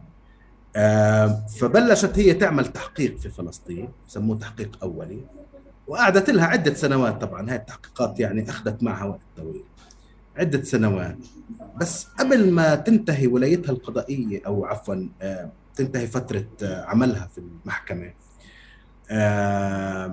بفترة مش كثير طب بسنة يمكن سنة وشوي قالت ما يلي. قالت أنا من خلال ال بسموه preliminary investigation من خلال التحقيقات الأولية قدرت آه، آه، الاحظ وأكتشف إنه فعلا في آه، أساس للاعتقاد إنه في جرائم حرب ترتكب في أراضي دولة فلسطين أو في الضفة الغربية وغزة. ولكن أنا بحاجة لإني أعرف من المحكمة وين موجودين أراضي دولة فلسطين عشان أتأكد قبل ما أروح على المرحلة الثانية من التحقيقات اللي هي بتبلش عاد هون تحقيق في جرائم معينة ومحددة والمجرم تبعها محدد كمان. آه بتبلش يعني إنك أنت بتجهز حالك لتقديم لوائح اتهام ضد أفراد معينين. وهذه مرحلة يعني اللي إحنا بنستنى فيها طبعا. آه. فقالت قبل ما أعرف هيك بدي أتأكد من المحكمة نفسها من القضاة بدي يقولوا لي وين أراضي دولة فلسطين موجودين. هي هي عضو تمام؟ بس أنا بدي إياهم يقولوا لي وين اراضي دولة فلسطين. فهون آه، هي دخلتنا لمرحلة جديدة اللي برضه أخذت عدة سنوات. آه أخذت عدة سنوات من أو أخذت لا سنة عفوا مش عدة سنوات سنة سنة سنة وشوي آه، من النقاش شايف كيف؟ آه، اللي من خلالها بنهايتها طبعا أو أو أو خلال هذه الفترة كمان اجوا عاد المؤيدين والمعارضين يقدموا أوراق للمحكمة سواء دول أو جمعيات مختلفة موجودة في محلات مختلفة في العالم. آه، جزء منهم مثلا بيقول فلسطين دولة جزء منهم بيقول فلسطين مش دولة رجعوا برضه لنقاش فلسطين هل هي دولة ولا مش دولة من الأساس؟ آه، ورجعوا منهم كمان يشككوا في آه، أساس العضوية تبعت فلسطين في المحكمة. وفي حجة كمان بتخوف طلعت اللي بتقول إنه حتى لو كانت آه، فلسطين دولة وعضو في المحكمة الجنائية الدولية يعني طرف في ميثاق روما المؤسس للمحكمة حتى لو كان هذا هو الواقع. فبما إنه دولة فلسطين في عندها أو السلطة الفلسطينية يعني هم بيحكوا في عندها بسبب اتفاقيات أوسلو ولاية قضائية محدودة على أراضيها. وهذا حقيقة يعني هذا مزبوط. السلطة ما بتقدر تحاكم لا إسرائيليين يعني آه، وبالذات الإسرائيليين تقدرش تحاكمهم يعني. والأجانب كمان في آه، آه، محدودية معينة على السلطة. فبالتالي هي تقريبا تقدرش تحاكم إلا الفلسطينيين بمحاكمات جنائية. فهي النظرية بتقول لك إنه آه هم ما بيقدروا ينقلوا بالآخر ولايتهم القضائية إلا آه إلا اللي موجودة عندهم آه. فيعني طلعت حجج كثير تمام؟ بهذه الفترة. وظلتها الحجج آه تتناقش آه في المحكمة لحديت آه شهر 2 2021 يعني قبل سنة ونص تقريبا من هلا تمام؟ اللي هي كانت لسه فاتو بن سوده موجودة كمدعي عام للمحكمة. وفي هذه اللحظة قررت المحكمة إنها آه بأغلبية مش بإجماع بأغلبية آه قاضي قاضيين أو قاضي وقاضي مقابل مقابل واحد اثنين مقابل واحد. آه إنه فلسطين دولة عضو في ميثاق روما وإنه الولاية القضائية الجغرافية للمحكمة في أراضي دولة فلسطين تمتد إلى الأرض الفلسطينية المحتلة منذ سنة 1967 يعني تحديدا قطاع غزة والضفة الغربية من في ذلك شرقي القدس. West Bank Gaza and the West Bank including East تمام؟ فالقضاة في المحكمة الأغلبية وهذا هو القرار يعني هلأ قرار المحكمة بيقول إنه في ولاية قضائية للمحكمة هذا 2021 يعني مش قديم مش قديم كثير بقول إنه المحكمة في لها ولاية قضائية على الضفة الغربية بما فيها القدس الشرقية وقطاع غزة. وأنا برأيي هذا قرار كويس تمام؟ يعني هو آه، أكثر شيء كنا بنقدر نتوقعه من هاي المحكمة آه. لأنه هذا اللي أصلا الفلسطينيين بيطلبوا فيه. أو خلينا نقول المستوى السياسي بقول إنه إحنا آه، دولتنا موجودة في الضفة بما فيها القدس وغزة تمام؟ فيعني هذا هو الماكسيموم آه وكويس ولا بأس به هذا القرار. حلو يعني. آه وهذا تقدم مهم إنه هلأ بطلنا إحنا نناقش الولاية القضائية باستثناء شيء واحد اللي أجلته المحكمة وأنا متوقع إنه راح يجي في المستقبل للأسف الشديد يعني اللي هو إنه هل المحكمة هي الحجة اللي أنا حكيت عنها قبل شوي اللي, اللي ما عالجتهاش المحكمة ما جاوبت عليها. إنه هل المحكمة في إلها ولاية قضائية على الإسرائيليين كمان اللي اللي بيعملوا جرائم في في دوله في أراضي دولة فلسطين ولا لا؟ تمام؟ لأنه الوضع الطبيعي إنه آه ولكن تعرف في حجج بتقول لا بس أنا بستبعد إنه هاي الحجج تنجح بالمحكمة. فهات ألخص لك شوي هلا وين إحنا موجودين. اليوم إحنا بنعرف تماما إنه المحكمة الجنائية الدولية في إلها ولاية قضائية كويس يعني على أراضي معينة. وتغير كمان مرة المدعي العام. هلأ في عندنا مدعي عام جديد آه، بريطاني آه، اسمه كريم خان آه، اللي استلم منصبه أغلق التحقيقات على الجرائم الأمريكية في أفغانستان. هذا من أول الأشياء اللي سواها. فهذا زي ما تقول مؤشر مش كثير حلو. تمام؟ مش مش مش مؤشر إيجابي. بورجي إنه حاولت فاتو بن سوده تفتح على دول كبيرة وقوية ودونالد ترامب عاقب المحكمة بناء على ذلك. شايف كيف؟ أوكي. وإنه آه، دونالد ترامب وقتها عاقب المحكمة بناء على ذلك. آه، وبنهاية المطاف آه، اجى المدعي عام جديد وأغلق التحقيقات على الجرائم اللي صارت في أفغانستان. لحد اليوم إحنا ما بنعرف إيش هو بده يسوي في الجرائم المرتكبة بفلسطين وهو مش عماله بيعمل تصريحات. لا زالت السلطات في دولة فلسطين بتقدم آه، آه، إثباتات بشكل مستمر للمحكمة ومستمره بالطلب بإنه هو يقوم بعمله بإنه يقدم لوائح اتهام آه، لاشخاص بيقوموا بجرائم حرب في الأرض الفلسطينية المحتلة لا زال المجتمع المدني الفلسطيني وجزء من المجتمع المدني الدولي كمان بقدم معلومات وأدلة على جرائم مختلفة يتم ارتكابها. فهذا كله عماله بيصير بشكل مستمر والكرة في ملعب المدعي العام. وهذا هو السبب اللي خلاني أقول للجزيرة لما سألوني وقتها إنه إمتى بتتوقع؟ هلأ إحنا قدمنا سبمشن قدمنا يعني وثائق بتو... بتحكي عن عن هاي الجريمة. آه، فإمتى آه، آه، شو هي الفترة العادية اللي ممكن يعني إنه نبلش نشوف فيها يعني تحريك للدعوة؟ فاللي قلت له اياه ممكن تصير بيوم ممكن تصير بشهر ممكن تصير بسنة ممكن بعشر سنين. الأمر يعتمد على المدعي العام. المدعي العام بيقدر يبلش اليوم يوجه لوائح اتهام إذا هو جدي. وبيقدر يضله يمطمط ويماطل كمان 10 و20 سنة. فعشان هيك المدعي العام فيش إشي بي فيش إشي ولا حدا بيقدر إنه فعلا يجبره إنه يقدم لائحة اتهام ضد شخص معين. هو لازم بأمانة وإخلاص يقوم آه، بدوره. وإحنا عندنا خوف من كيف عماله بيأدي دوره لأنه لحد هلأ شايفينه صامت على موضوع فلسطين. فهذا بالتلخيص. يعني كيف بقدر أحكي عن الموضوع؟ طب منير منير بدي أجرب أسألك. جزء من المآخذ أو جزء من الإشي هلا فهمت يعني فهمت السياق الزمني له وين إحنا واقفين اليوم.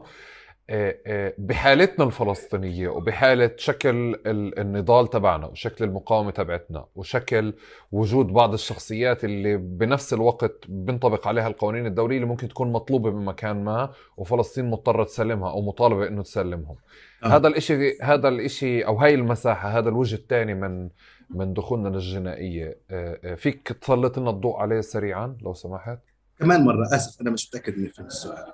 ما قيل ما قيل في حين اللي هو الذهاب للجنائية الدولية في بعض بعض النقد عليه إنه إحنا بحالتنا الفلسطينية اللي موجودية اللي آه، بحالة نضالنا وحالة مقاومتنا ضد إسرائيل آه، آه، بعض الأعمال فعليا ممكن تكون أعمال كمان جرائم حرب. جرائم حرب وأحاسب عليها. صحيح. وممكن وممكن نكون في عنا شخصيات ما تصير مطلوبه ل يعني مطلوب تسليمها وكذا. ممكن الجانب الثاني اللي ما بأخذ بعين يعني خليني أحكي اللي ما بأخذ بعين الاعتبار طبيعة نضالنا وطبيعة مقاومتنا وطبيعة كذا. بالحالة اللي موجوده اليوم بالحالة آه، الفلسطينيه وين ممكن يكون الضرر عنا؟ آه طبعا هذا شيء عادي. المحكمة مش رح تيجي آه، تحسن ولا مطلوب منها كمان إنها تحسن الفلسطيني من المحاسبة أمام المحكمة. آه، إذا كان الفلسطيني يعني قام بشيء اللي يعتبر جريمة حرب فالمحكمة رح كمان من المتوقع منها إنها هي تستخدم صلاحياتها بإنها تطلع على هذا الأمر وهذا الموضوع مش موضوع وطني هذا موضوع آه، حقوقي. هلا إذا أنت آه، وهذا الموضوع تناقش فلسطينيا على فكرة. يعني م. كمان يعني في مرحلة المراحل كانت آه، السلطة وال... تقول إنه إحنا مترددين نروح على المحكمة. لأنه بالإضافة لأنه المحكمة حت يعني نتوقع منها إنها تحاكم إسرائيليين عملوا جرائم. إحنا كمان نتوقع منها إنها تحاكم وتطلب فلسطينيين اللي ممكن يكون اتهموا بجرائم. يعني مثلا إذا أنا أه بستهدف مدنيين في عمل عسكري هذا يعتبر جريمة حرب. تمام؟ إحنا ما بدناش أه يعني أه أنا حقوقي لازم أحكي الإشي بشكله الواضح والصريح. اللغة الحقوقية. اللغة الحقوقية طبعا. آه. أنا مش مطلوب مني يعني ولا لازم آه إنه آه انه إنه أحكي ما يطلبه المستمعون مزبوط؟ لا لا إحنا إحنا هلا أنا فاهم الموقف آه. لا ما أنا شو قلت لك؟ قلت لك بالأول بدك تحكي الإشي اللي راح يؤخذ عليك يعني. آه طبعا. وأنا مبسوط عادي. شوف هذا كمان إشي مهم إنه المقاومة الفلسطينية حق. المقاومة حق. أوكي خلينا نبلش من هون. بأشكالها المختلفة سواء كانت مقاومة سلمية آه، غير غير غير مسلحة أو كانت مسلحة. الحالتين هي حق. ولكن لو كانت المقاومة مسلحة آه، فهي لازم آه، تشتغل حسب قواعد القانون الدولي الإنساني. تمام؟ اللي هو هذا مجموع قانون بينظم العمليات العسكرية المختلفة. تمام؟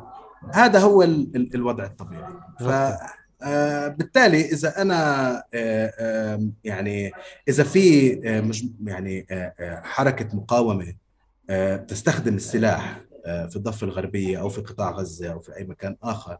فهي لازم وهم المفروض إنهم بيعرفوا يعني لازم يطلعوا على هذه القواعد ويحاولوا يطبقوها بالقدر المستطاع بال بال ب ب يعني ب يعني بيطبقوها بشكل كامل عشان يتجنبوا كمان المحاسبة الدولية. هذا شيء ضروري. على على سيرة بقدر المستطاع أنت بتفكر إنه في رفاهية اليوم عندنا أصلا على مستوى أدوات بإنه أنت يعني تجنب نفسك آه، كل كل القوانين اللي ممكن تدينك؟ يعني شوف أنا مش محلل عسكري تمام؟ وأنا ما لا بقدر لا, لا لا ما هو هذا هذا شغل محلل عسكري إني أنا لازم أحط حالي محل الشخص العسكري و... وأفكر هو وين يضرب الصاروخ آه هذا أنا مش شغلي متأسف. بقدرش أحكي. لا لا ما أنا أنا مش عم بحكي عنك. أنا ب... آه, آه، ولا ولا بطلب منك تعمل هذا الدور ولا هو دوري. بس بجرب آه. أشوف السياق الزمني للأحداث اللي موجود.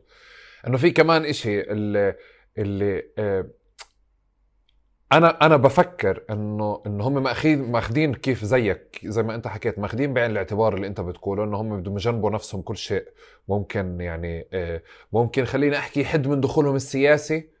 مش ميدينهم أو أو من جانب حقوقي بس حتى جزء من جلساتهم وجزء من الوساطات الدولية اللي بتدخل ما بدهم يحرجوها. فبتلاقي مثلا بحرب 2014 بيطلع خطاب المدنيين آه، آه، أو بيطلع أبو عبيدة بقول إنه إحنا دخلنا على الموقع الفلاني ضربنا عسكريين فقط وطلعنا ما ضربنا مدنيين. وكمان في شيء تاني بصير في حديث أكثر على توجيه الصواريخ بمعنى زمان كانت الصواريخ أضرب وخلصنا اليوم. لا في اعتزاز وفي احتفاء بالصواريخ اللي بتنزل على مواقع عسكرية أو بتستهدف موقع عسكري حتى لو ما نزلت عليه. يعني حتى في البيانات العسكرية صرت تحس إنه ماخذين بعين الاعتبار. بس آه، آه، في مسار عم بمشي في صيروره عم تمشي بهذا الاتجاه. بس بالتوقيت الزمان اليوم إحنا وين واقفين؟ آه، في عندك هذا الشعور انت كحقوقي كمان يعني من من من صيرورة الأشياء إنه الجماعة ممكن يجنبوا حالهم ادانات ما لأنه المكتسبات من دخولنا هذا العراق الحقوقي أو هذا هاي المساحة الحقوقية كبيرة ولازم نستغلها آه. آه. آه. يعني اللي أنت تفضلت فيه آه ذهب وفعلا هذا هو اللي إحنا بنحتاجه بنحتاج إنه إذا كنت منخرطا في العمل العسكري آه بقد يعني لازم تنتبه على أنواع الأهداف اللي بدك تضربها آه وتعمل على أهداف عسكرية وهي مش قليلة الأهداف العسكرية. يعني الجيش الإسرائيلي موجود في محلات مختلفة وبيقدروا أتخيل آه، إنهم يلاقوا طريقة إنهم يستهدفوا فقط الجنود وما يستهدفوا آه، أشياء أخرى. آه هذا هو يعني المسألة مش بالضرورة تكون صعبة كثير آه آه وكمان مرة أنا بحب أكرر إن أنا مش محلل عسكري وما بقدر لا لا ولا ولا بالتكتيك التكتيك العسكري إيش لازم يكون آه ولا بفهم فيه آه بس بعرف إنه من ناحية يعني أنت كحقوقي بتتمنى هيك بكل بكل جمال وبكل قلوب حمراء هيك خلينا صحيح. نحكي صحيح. إنه إنه جماعة إحنا عم نشتغل عم نحقق انجازات ما إذا في إمكانية إنه آه، آه، ما تعرقلوش أو تساعدونا يعني كملوا شغل شو أنتم بتساووا بس إذا في في إشي اللي ممكن تجنبونا إحراجات ما أو عرقلة ما بكون عظيم يعني بهذا المنطق. بدي أروح لنقلة يعني تاني لا لا أنا ما قولتكش هذا الحكي. آه ما تقولنيش إشي الله يرضى عليك. أنا بحكي عنك. أيوه أيوه. أوكي بس عشان عشان يعني لأنه أنت شو ما حكيت هلأ فعليا إذا باخده أنا كجملة يعني منير انسابا صرح أو منير حكى. فيعني ال ال آه، بدي أروح أكثر باتجاه باتجاه السلطة. آه، آه، في نهج سياسي واضح إنه إحنا بالحالة الفلسطينية في نهج سياسي موجود في غزة وفي نهج موجود في في في في رام الله. النهجين هدول بمكان ما لما حماس دعمت أبو مازن بالذهاب للأمم المتحدة اتفقوا على على المسار هذا فلهيك أنا بشوف إنه حتى في مرحلة ما ب يعني القيادة السياسية في حماس لفترة كانت عارفة المسار هذا فأخذت بعين الاعتبار مجموعة من التصريحات والأشياء. بس بدي أطلع أنا على على على على الجانب من السلطة. هل فعلا في إشي جانب حقيقي بالذهاب للجنائية؟ يعني في خطوات حقيقية ولا الإشي مجرد ابتزاز مجرد يعني تلويح مجرد يعني أنت شايف إنه في عمل حقيقي جاد بهذا الاتجاه؟ أنا برأيي إنه في عمل حقيقي وجاد فعلا في هذا الاتجاه مش رأيي هذا هذا معرفة يعني لأنه إحنا نجتمع بشكل مستمر كحقوقيين نجتمع بشكل مستمر مثلا مع ممثلين من وزارة الخارجية الفلسطينية مع وحدة دعم المفاوضات اللي هم بيشتغلوا بنشاط حسب ما أنا بلاحظ على موضوع المحكمة الجنائية الدولية وبيقدموا معلومات زي ما زي ما بسمع. بس كمان بالإضافة لهم في عندي المجتمع المدني الفلسطيني اللي كمان نشيط جدا وعنده قدرات بحثية قد تكون لسه أقوى من اللي موجودة عند السلطة برأيي يعني والله أعلم. آه وبالتالي عمالهم برضه وعندهم كمان هم الوجود على الأرض والتوثيق المستمر يعني هو هذا موجود عند المجتمع المدني أكثر ما هو موجود عند السلطة يعني هم اللي عندهم آه هذه الأدوات تمام؟ آه فهم بشكل مستمر آه برضه بيقدموا آه معلومات. فالموضوع يعني السلطة عملت الأشياء اللي إحنا آه ما بنقدرش يعني اللي إحنا بنحتاجها بشكل ضروري. اولا الانضمام. آه، ثانيا الإحالة. آه، فهدول كلهم كويسين آه، الخطوات. وبنعرف إنه إح إنه آه، زي ما بسمع منهم طبعا أنا ما بشوف وثائق بس بسمع انهم هم مستمرين في تقديم المعلومات والدلائل للمحكمة اللي بتحكي عن جرائم مختلفة عمالها بتصير. فهذا كله عماله هلأ بصير بشكل مستمر.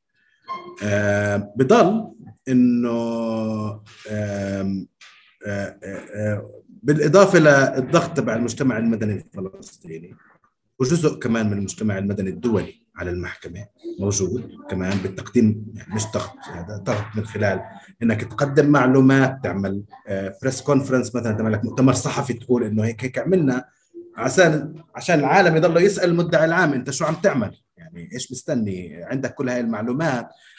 عرفنا إنه تقدم لك التقرير الفلاني والتقرير الفلاني بس أنت ليش لساتك مش مقدم ولا لائحة اتهام لليوم؟ هذه هي العملية اللي إحنا بنتأمل إنه تزيد وترتفع طيب إذا إذا بدي أعمل قائمة إذا بدي أعمل قائمة من من من يعني من من مساحات التقصير لدى السلطة عشان هذا العمل اللي أنت بتقوله هو يعني آه، آه، يعني ياخذ ياخذ جدواه بالكامل وبعيدا عن فكرة إنه أنت عرفت إنه إنه إنه بطول الوقت عم بيتم تقديم دلائل بس هل فعلا بيتم تقديم دلائل أو لا؟ يعني إنه هذا يعني عم بحاول اجاوب أنا أنا أنا مصدق إنه إنه في دلائل والناس اللي بنجتمع معاهم من وزارة الخارجية وكمان كمية العلم اللي موجود عندهم. يعني أنا عم بلاحظ كمان إنه هم موظفين طاقم ذكي وفاهم بعمق الشغل اللي عم بيعمله. أنا بتعرف أنا مش شخص يعني أنا يعني أنا مش شخص لا يعني لا بنتمي للسلطة ولا بالعكس بعد بعد حالي من بشكل عام من المعارضين. بما إني بالمجتمع المدني فلازم أكون دائما معارض. ولكن برضه الواحد ما بده دائما إنه يعني فقط ينتقد. إذا في شيء بلاقيه ماشي بشكل كويس لازم يحكي. فأنا برأيي إنه هون في موضوع المحكمة الظاهر انه هم عمالهم بيشتغلوا بشكل جيد. بشوف إنه في عندهم طاقم جيد وذكي ونشيط بيشتغل على موضوع المحكمة. وبيقولوا لنا بشكل مستمر إنه إنه عمالهم بيقدموا معلومات. بالإضافة للمعلومات اللي عمالها بتتقدم طبعا إذا كان في أنا برأيي إذا بدك إنه بتقدر تعمل أحسن السلطة في موضوع إنها تعلي صوتها أكثر في العالم وتعمل ضغط سياسي وفي شيء مفيد كثير ممكن تعمله وفقط السلطة يعني فقط دولة فلسطين هون بتقدر تعمله هو إنها تحاول تعمل lobbying كبير داخل اللي بسموهم ال Assembly of States اللي هي مجموعة الدول اللي صادقت على ميثاق روما تمام؟ يعني هي ميثاق روما عبارة عن معاهدة. هو المؤسس للمحكمة فهي عبارة عن معاهدة. وفلسطين دولة عضو زيها زي غيرها من الدول مجموعة ثانية فإحنا لا بنقدر إنه نضغط على هذه المجموعة الدول إنها تضغط على المدعي العام إنه يحط فلسطين على محل أعلى في أولويات أجندته لأنه هو المدعي العام هذا هو اللي بيقدر إنه يرفعها وبيقدر إنه ينزلها وبيقدر إنه يهملها بشكل كامل كمان. بيقدر يتركها كمان عشر سنين وما يعملش شيء هو المشكلة عند هذا في هاي الوظيفة وظيفة المدعي العام موجودة عند هذا الشخص. يا إما بقرر إنه أنا هلا بدي أحرك يا إما بدي أموت وبيقدر يموت. وهلا أنا حسب ما أنا شايف إنه هو مموت. فممكن السلطة هون إنها تعمل شوية عمل أكثر. إعلامي ودبلوماسي آه، قوي في ال Assembly of States هذه على أساس إنه يحاولوا بشكل كبير إنه يضغطوا على المدعي العام إنه يبلش يتحرك. وإحنا بدنا إياه يتحرك. طيب منير هيك بإجابة هيك رقم آه، نسبة وتناسب هذا أنت بتكرهه كمان بس بدك تحملني فيه نسبة وتناسب قديش اليوم السلطة ماخذة option الذهاب للجنائية الدولية ب ب يعني من خلال الأوبشنز اللي موجودة عندها قد ماخذة منها آه، في في في كل محاكمة إسرائيل آه. آه مهم هقول قبل ما أعطي جوابي إنه هو مش محاكمة إسرائيل، الجنائية الدولية ما بتحاكم دول. آه الجنائية الدولية. بتحاكم أفراد، تمام؟ هي محكمة جنائية فهي محكمة تحاكم الأفراد فقط ولا تحاكم الدول، إذا بدنا نحاكم الدول إحنا بنحاكمهم في محاكم ثانية وهذا صعب، ما فيش لنا قدرة إنه نحاكم أوكي. الدول. صحيح. آه فتمام آه أنا بتخيل إنها ماخذته بنسبة آه يعني هي داخلة بتقولها أنا برأيي بهذا الموضوع يعني بديش أقول 100% ما بديش أقول 100% أنا بسمع دائما إنه إسرائيل كل فترة والتانية بتحاول توعد السلطة بتسهيلات هون وهون مقابل إنها تنزل من آه، النشاط في ملفها في المحكمة الجنائية الدولية. يعني حتى سمعته قبل كم من يوم مش بتذكر شو هو المقال اللي قريته وإيش الوعد اللي كان بدهم يوعدوه آه، مقابل المحكمة. أنا برأيي أنه السلطة داخلة في الموضوع في ثقلها. خصوصا هلا هي ترددت وإحنا انتقدناها وأنا واحد من الناس وقعوا على مطالبه للرئيس إنه ينضم آه وفي مطالبات كانت كثير من المجتمع المدني الفلسطيني. فهم تأخروا وبرأيي كمان ممكن تعمل أحسن إنها ترجع الولاية القضائية ل 2002 وبالتالي تدخل حرب ال 2009 آه اللي حكينا عنها أول الحديث آه، تدخل على المحكمة. ولكن آه، بجميع الأحوال هلا في ولاية قضائية وأنا برأيي إنه السلطة يعني يعني على الأقل عامله آه، كل الأساسيات عملتهم. ممكن تعمل لوبينج أكثر ومحاولة إنها تضغط على الدول المختلفة إنها تغير مواقفها. لأن أنت بتعرف حتى الدول في منها إنها ضد الولاية. يعني مثلا ألمانيا بتحكي بشكل صريح أنا يعني إنها ضد آه، المجر مثلا. أنا عارف في دول كثير في العالم تقول لك لا ما بصيرش يكون في ولاية قضائية. فأنا برأيي إنه ممكن تعمل أكثر في موضوع اللوبينج يعني آه، الضغط آه، والحشد وكمان الطرق الإعلامية. بس أنا بعرفش قديش السلطة أصلا عندها وسائل إعلامية قوية بالعالم اللغة الإنجليزية يعني. مش متأكد منها أنا أنا أنا أنا يعني بحس إنه في إشي تحديدا على مستوى السفارات يعني آه. أول شيء أنا بلاحظ إنه في إشي بال عشان هيك كنت طول الوقت عم بدفعك باتجاه أسئلة في إشي على مستوى الخارجية بالطواقم اللي موجودة آه. كل فترة بنسمع على أسماء يعني آه، آه، مش بالعادي مش مش مفهوم مش بديهي إنه إنه السلطة يعني تتعاون معها أو توظفها عندها يعني هم عارفين شو إضافتهم وناس جادة شيء ثاني حتى على مستوى السفارات يعني في في اهتمام مختلف. بعض السفارات يعني صارت بتقوم بدور آه، دور لوبينج آه، آه، يعني مش بسيط مش عادي. أو مرة تانية يمكن مقارنة بشو متوقع كتير قليل بس صحيح. مقارنة بكيف تعودنا على إنه دكاكين السفارات بكل مكان يعني لا في شيء حقيقي عم بصير. مزبوط بتلاحظ فرق بين محل ومحل فعلا. أنا أنا بدي أترك لك المايك إذا بدك تضيف أو تعلق أي شيء أو تأكد على أي شيء. قبل ما انهي الحلقة؟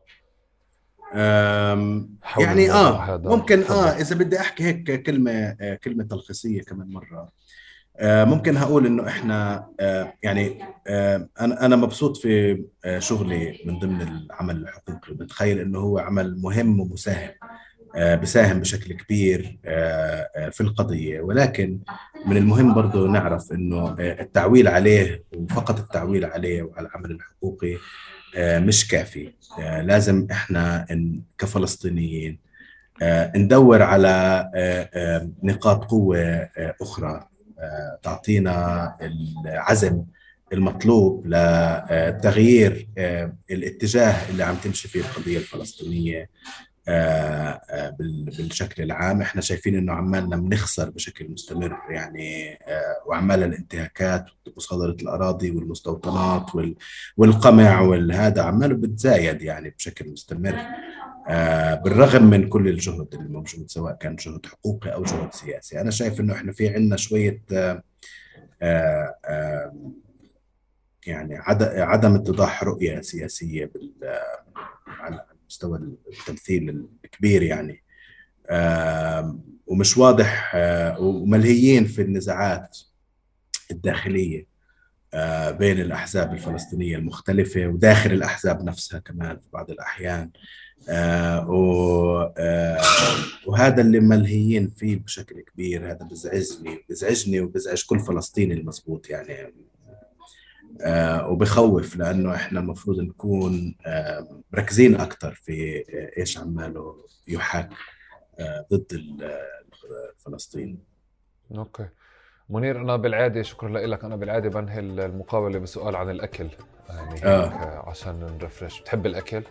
كثير زي ما هم بتحب المقلوبة؟ آه جدا. وهلأ وهلأ, وهلأ موسم البتنجان البتيري كمان فبتعرف. البتنجان البتيري هذا مع مقلوبته بتجنن. يعني انت مقلوبتك باذنجان بتيري باللحم هيك بتفضلها. هذا الموسم الحالي آه بتعرف إحنا من شهر سبعة بتبلش تطلع البتنجان البتيري وإحنا عاد ببطل نقطع عنا لحد ما يخلص بشهر تسعة. طيب سؤال مين بيعمل أذكى مقلوبة عندك أنت بتحبها؟ أمي. أوكي. آه هذا بدون بدون نقاش. آه والله أمي الله يخلي لي إياها يعني. لا محسوم هذا الملف عندك أنت واضح. محسوم محسوم أمي أمي أكيد اسكى مقلوبة. خلي لك إياها يا رب وشكرا جزيلا منير على يعني هذا اللقاء. سعدتني أنا شخصيا وبتمنى يعني متأكد راح تكون سعادت كمان ناس كثيره آه زي ما قلت لك في مشكلة دائما عندنا بسياق ال السياق الزمني بتقديم مصطلح أو قصة ما أو حكاية ما.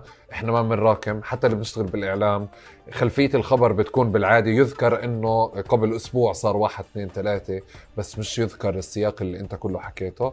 فبظن إنه يعني هذه الحلقة مساهمة ممتازة. شكرا لك يعني وشكرا على التحضير كمان. انتبهت إنه يعني اهتميت إنه يكون الإشي ملخص ومركز ومحضر منيح للسؤال الكبير اللي, اللي كنت بدي إياه. ممنون لك جدا. ساعدني يعني نقدمه بشكل ملخص وبسيط. شكرا جزيلا لك ويعطيك ألف عافية. الله يزيدك عافية. شكرا كثير لك بتشرف أكون معك. خلي لي إياك. شكرا جزيلا لكم ويعطيكم ألف عافية. وإن شاء الله بنلتقي في حلقة قادمة الأسبوع القادم. شكرا. يعطيكم العافية.